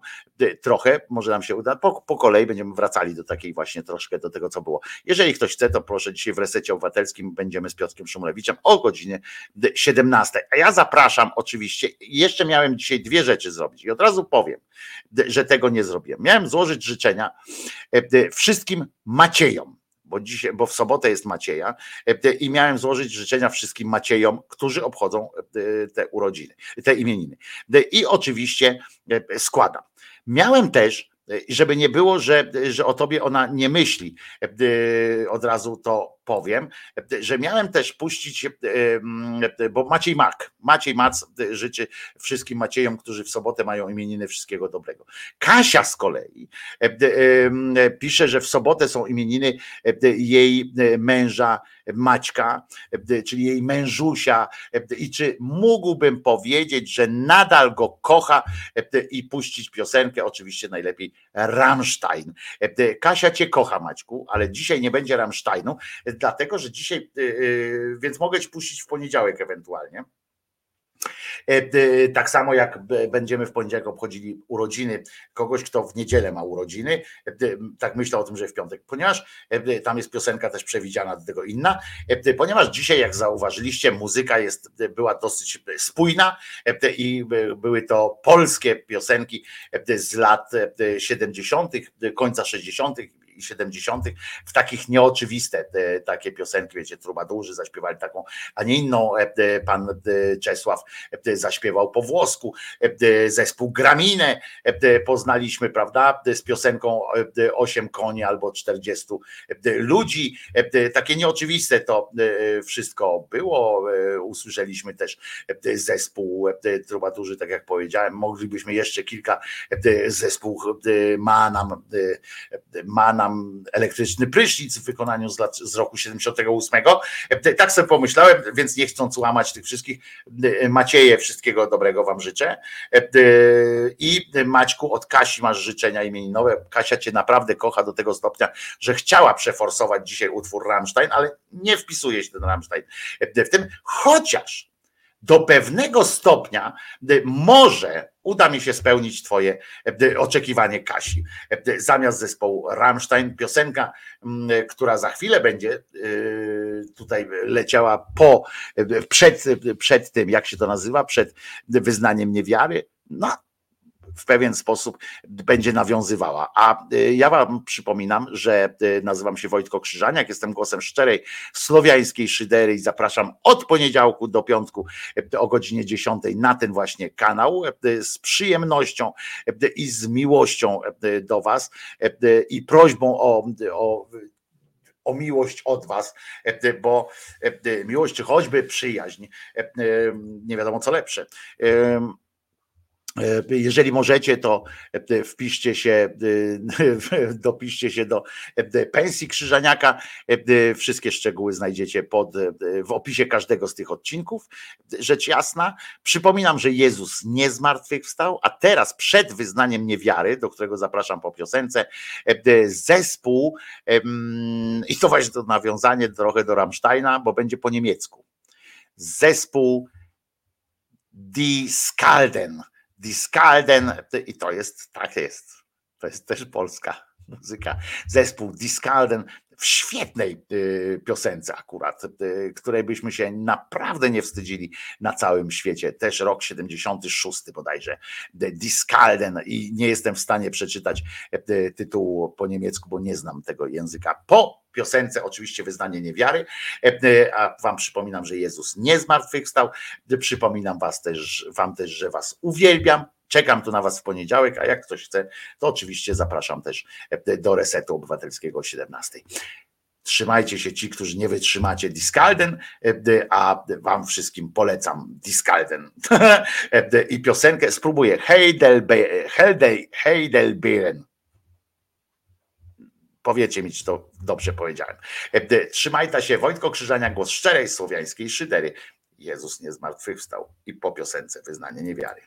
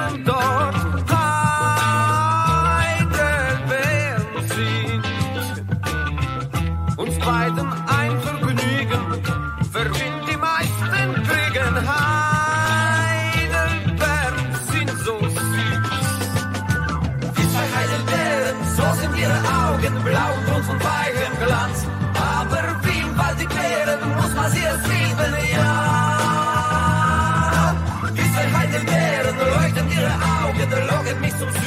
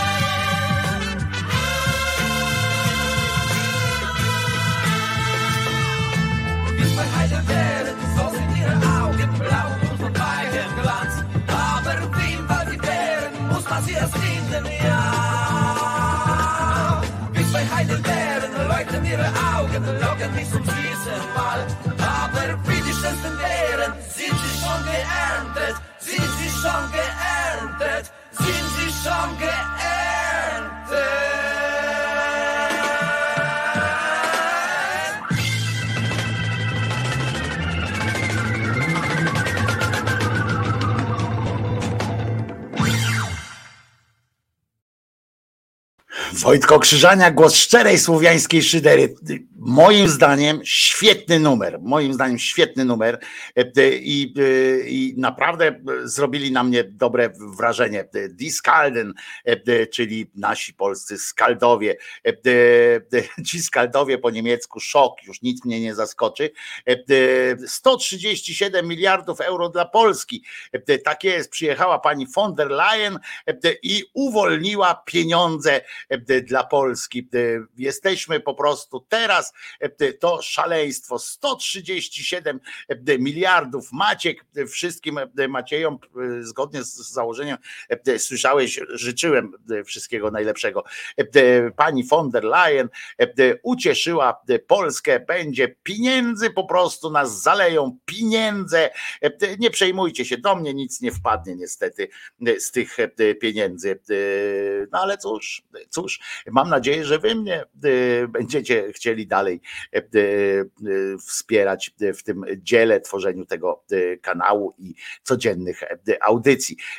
Ja się nazywam Wojtko Krzyżaniak. Dzisiaj jest piątek, 23 dzień lutego 2024 roku, a Paweł Korabiowski, który już planuje, pracuje nad festiwalem Róbmy swoje w Wysokiej Strzyżowskiej, który będzie, który się będzie odbywał. Dowiedziałem się od Pawła, że za track, tracklistę dzisiaj tegorocznej edycji będzie odpowiadał koleżka z anteny krzyku. To zapowiada dosyć fajny line-up tak zwany, więc, więc jest więc jest dobrze po prostu, będzie dobrze, ale takich skaldów to byś też przyjął, co? Jakby ci tak przyjechali, mieli zagrać taką muzę, Paweł, na Wysokiej Strzyżowskiej. Ja pindole, to by było fajnie. No teraz panowie mają po 93 lata i już trudno. Paweł, kiedy w tym roku jest festiwal? Bo Kanis pyta, dokładnie, a Paweł widziałem, że jest, chociaż się pożegnał, więc być może już, już wyszedł. To przypomnijmy o tym w poniedziałek, będziemy gadać o tym, możemy o tym powiedzieć, mm, kiedy jest festiwal, jeśli teraz Pawła nie ma, kiedy w tym roku dokładnie będzie się odbywał, w jakich dniach, żeby już sobie zaplanować fantastycznie. Byłem, więc wiem, mogę polecić z pełnym przekonaniem festiwal Róbmy Swoje w Wysokiej Strzyżowskiej. Polecam w pełnej rozciągłości, można przyjechać z namiotem, można przyjechać samochodem takim, żeby się można było rozkładane siedzenia chociaż były i przespać na polu namiotowym, polu samochodowo-namiotowym, w którym można sobie odpocząć spokojnie. I co? No do usłyszenia. Pamiętajcie, że Jezus nie zmartwychwstał, Maryjka nie zawsze była dziewicą, a Mahomet nigdzie nie ulatywał. I na te słowa już przyszedł Czesinek, bo wie, że te słowa oznaczają koniec audycji i to, że za chwilę będzie mógł się znowu wysikać na świeżym powietrzu. Do usłyszenia Wam zatem. I co? No pamiętajcie o tych łapkach. Ja bardzo lubię na przykład, jak, jak klikacie te łapki. Wiem, że nie wszyscy mogą, ale jak ktoś może, to niech kliknie łapkę w górę. Zostawiajcie komentarze. Padła dzisiaj propozycja, żeby limeryki wrzucać jakieś limeryki lubię. Jeszcze kiedyś możemy przejść na haiku, a to też będzie e, dobre. Więc, więc limeryki też mogą być e, fajne. E, może ja nawet jakiś tam dopiszę. Pamiętajcie o swoim krzyżaniaczku w różnych wszystkich wymiarach życia i śmierci. Pozdrawiam Was serdecznie. Do poniedziałku chciałem powiedzieć do poniedziałku włącznie, no do poniedziałku, e, że w poniedziałek o godzinie 10 e, zaczynamy znowu pielenie ogródka i wybielanie odbytu. E, trzymajcie się, do usły, do zoba, nara i mm, no co, no Wojtko Krzyżania, głos szczerej słowiańskiej szydery. Pamiętajcie, Jezus nie zmartwychwstał, Maryjka nie zawsze była dziewicą, a Mahomet pff, zesrał się i nigdzie nie uleciał. Nara. No. Ja zrobiłem swoje. Teraz forsa.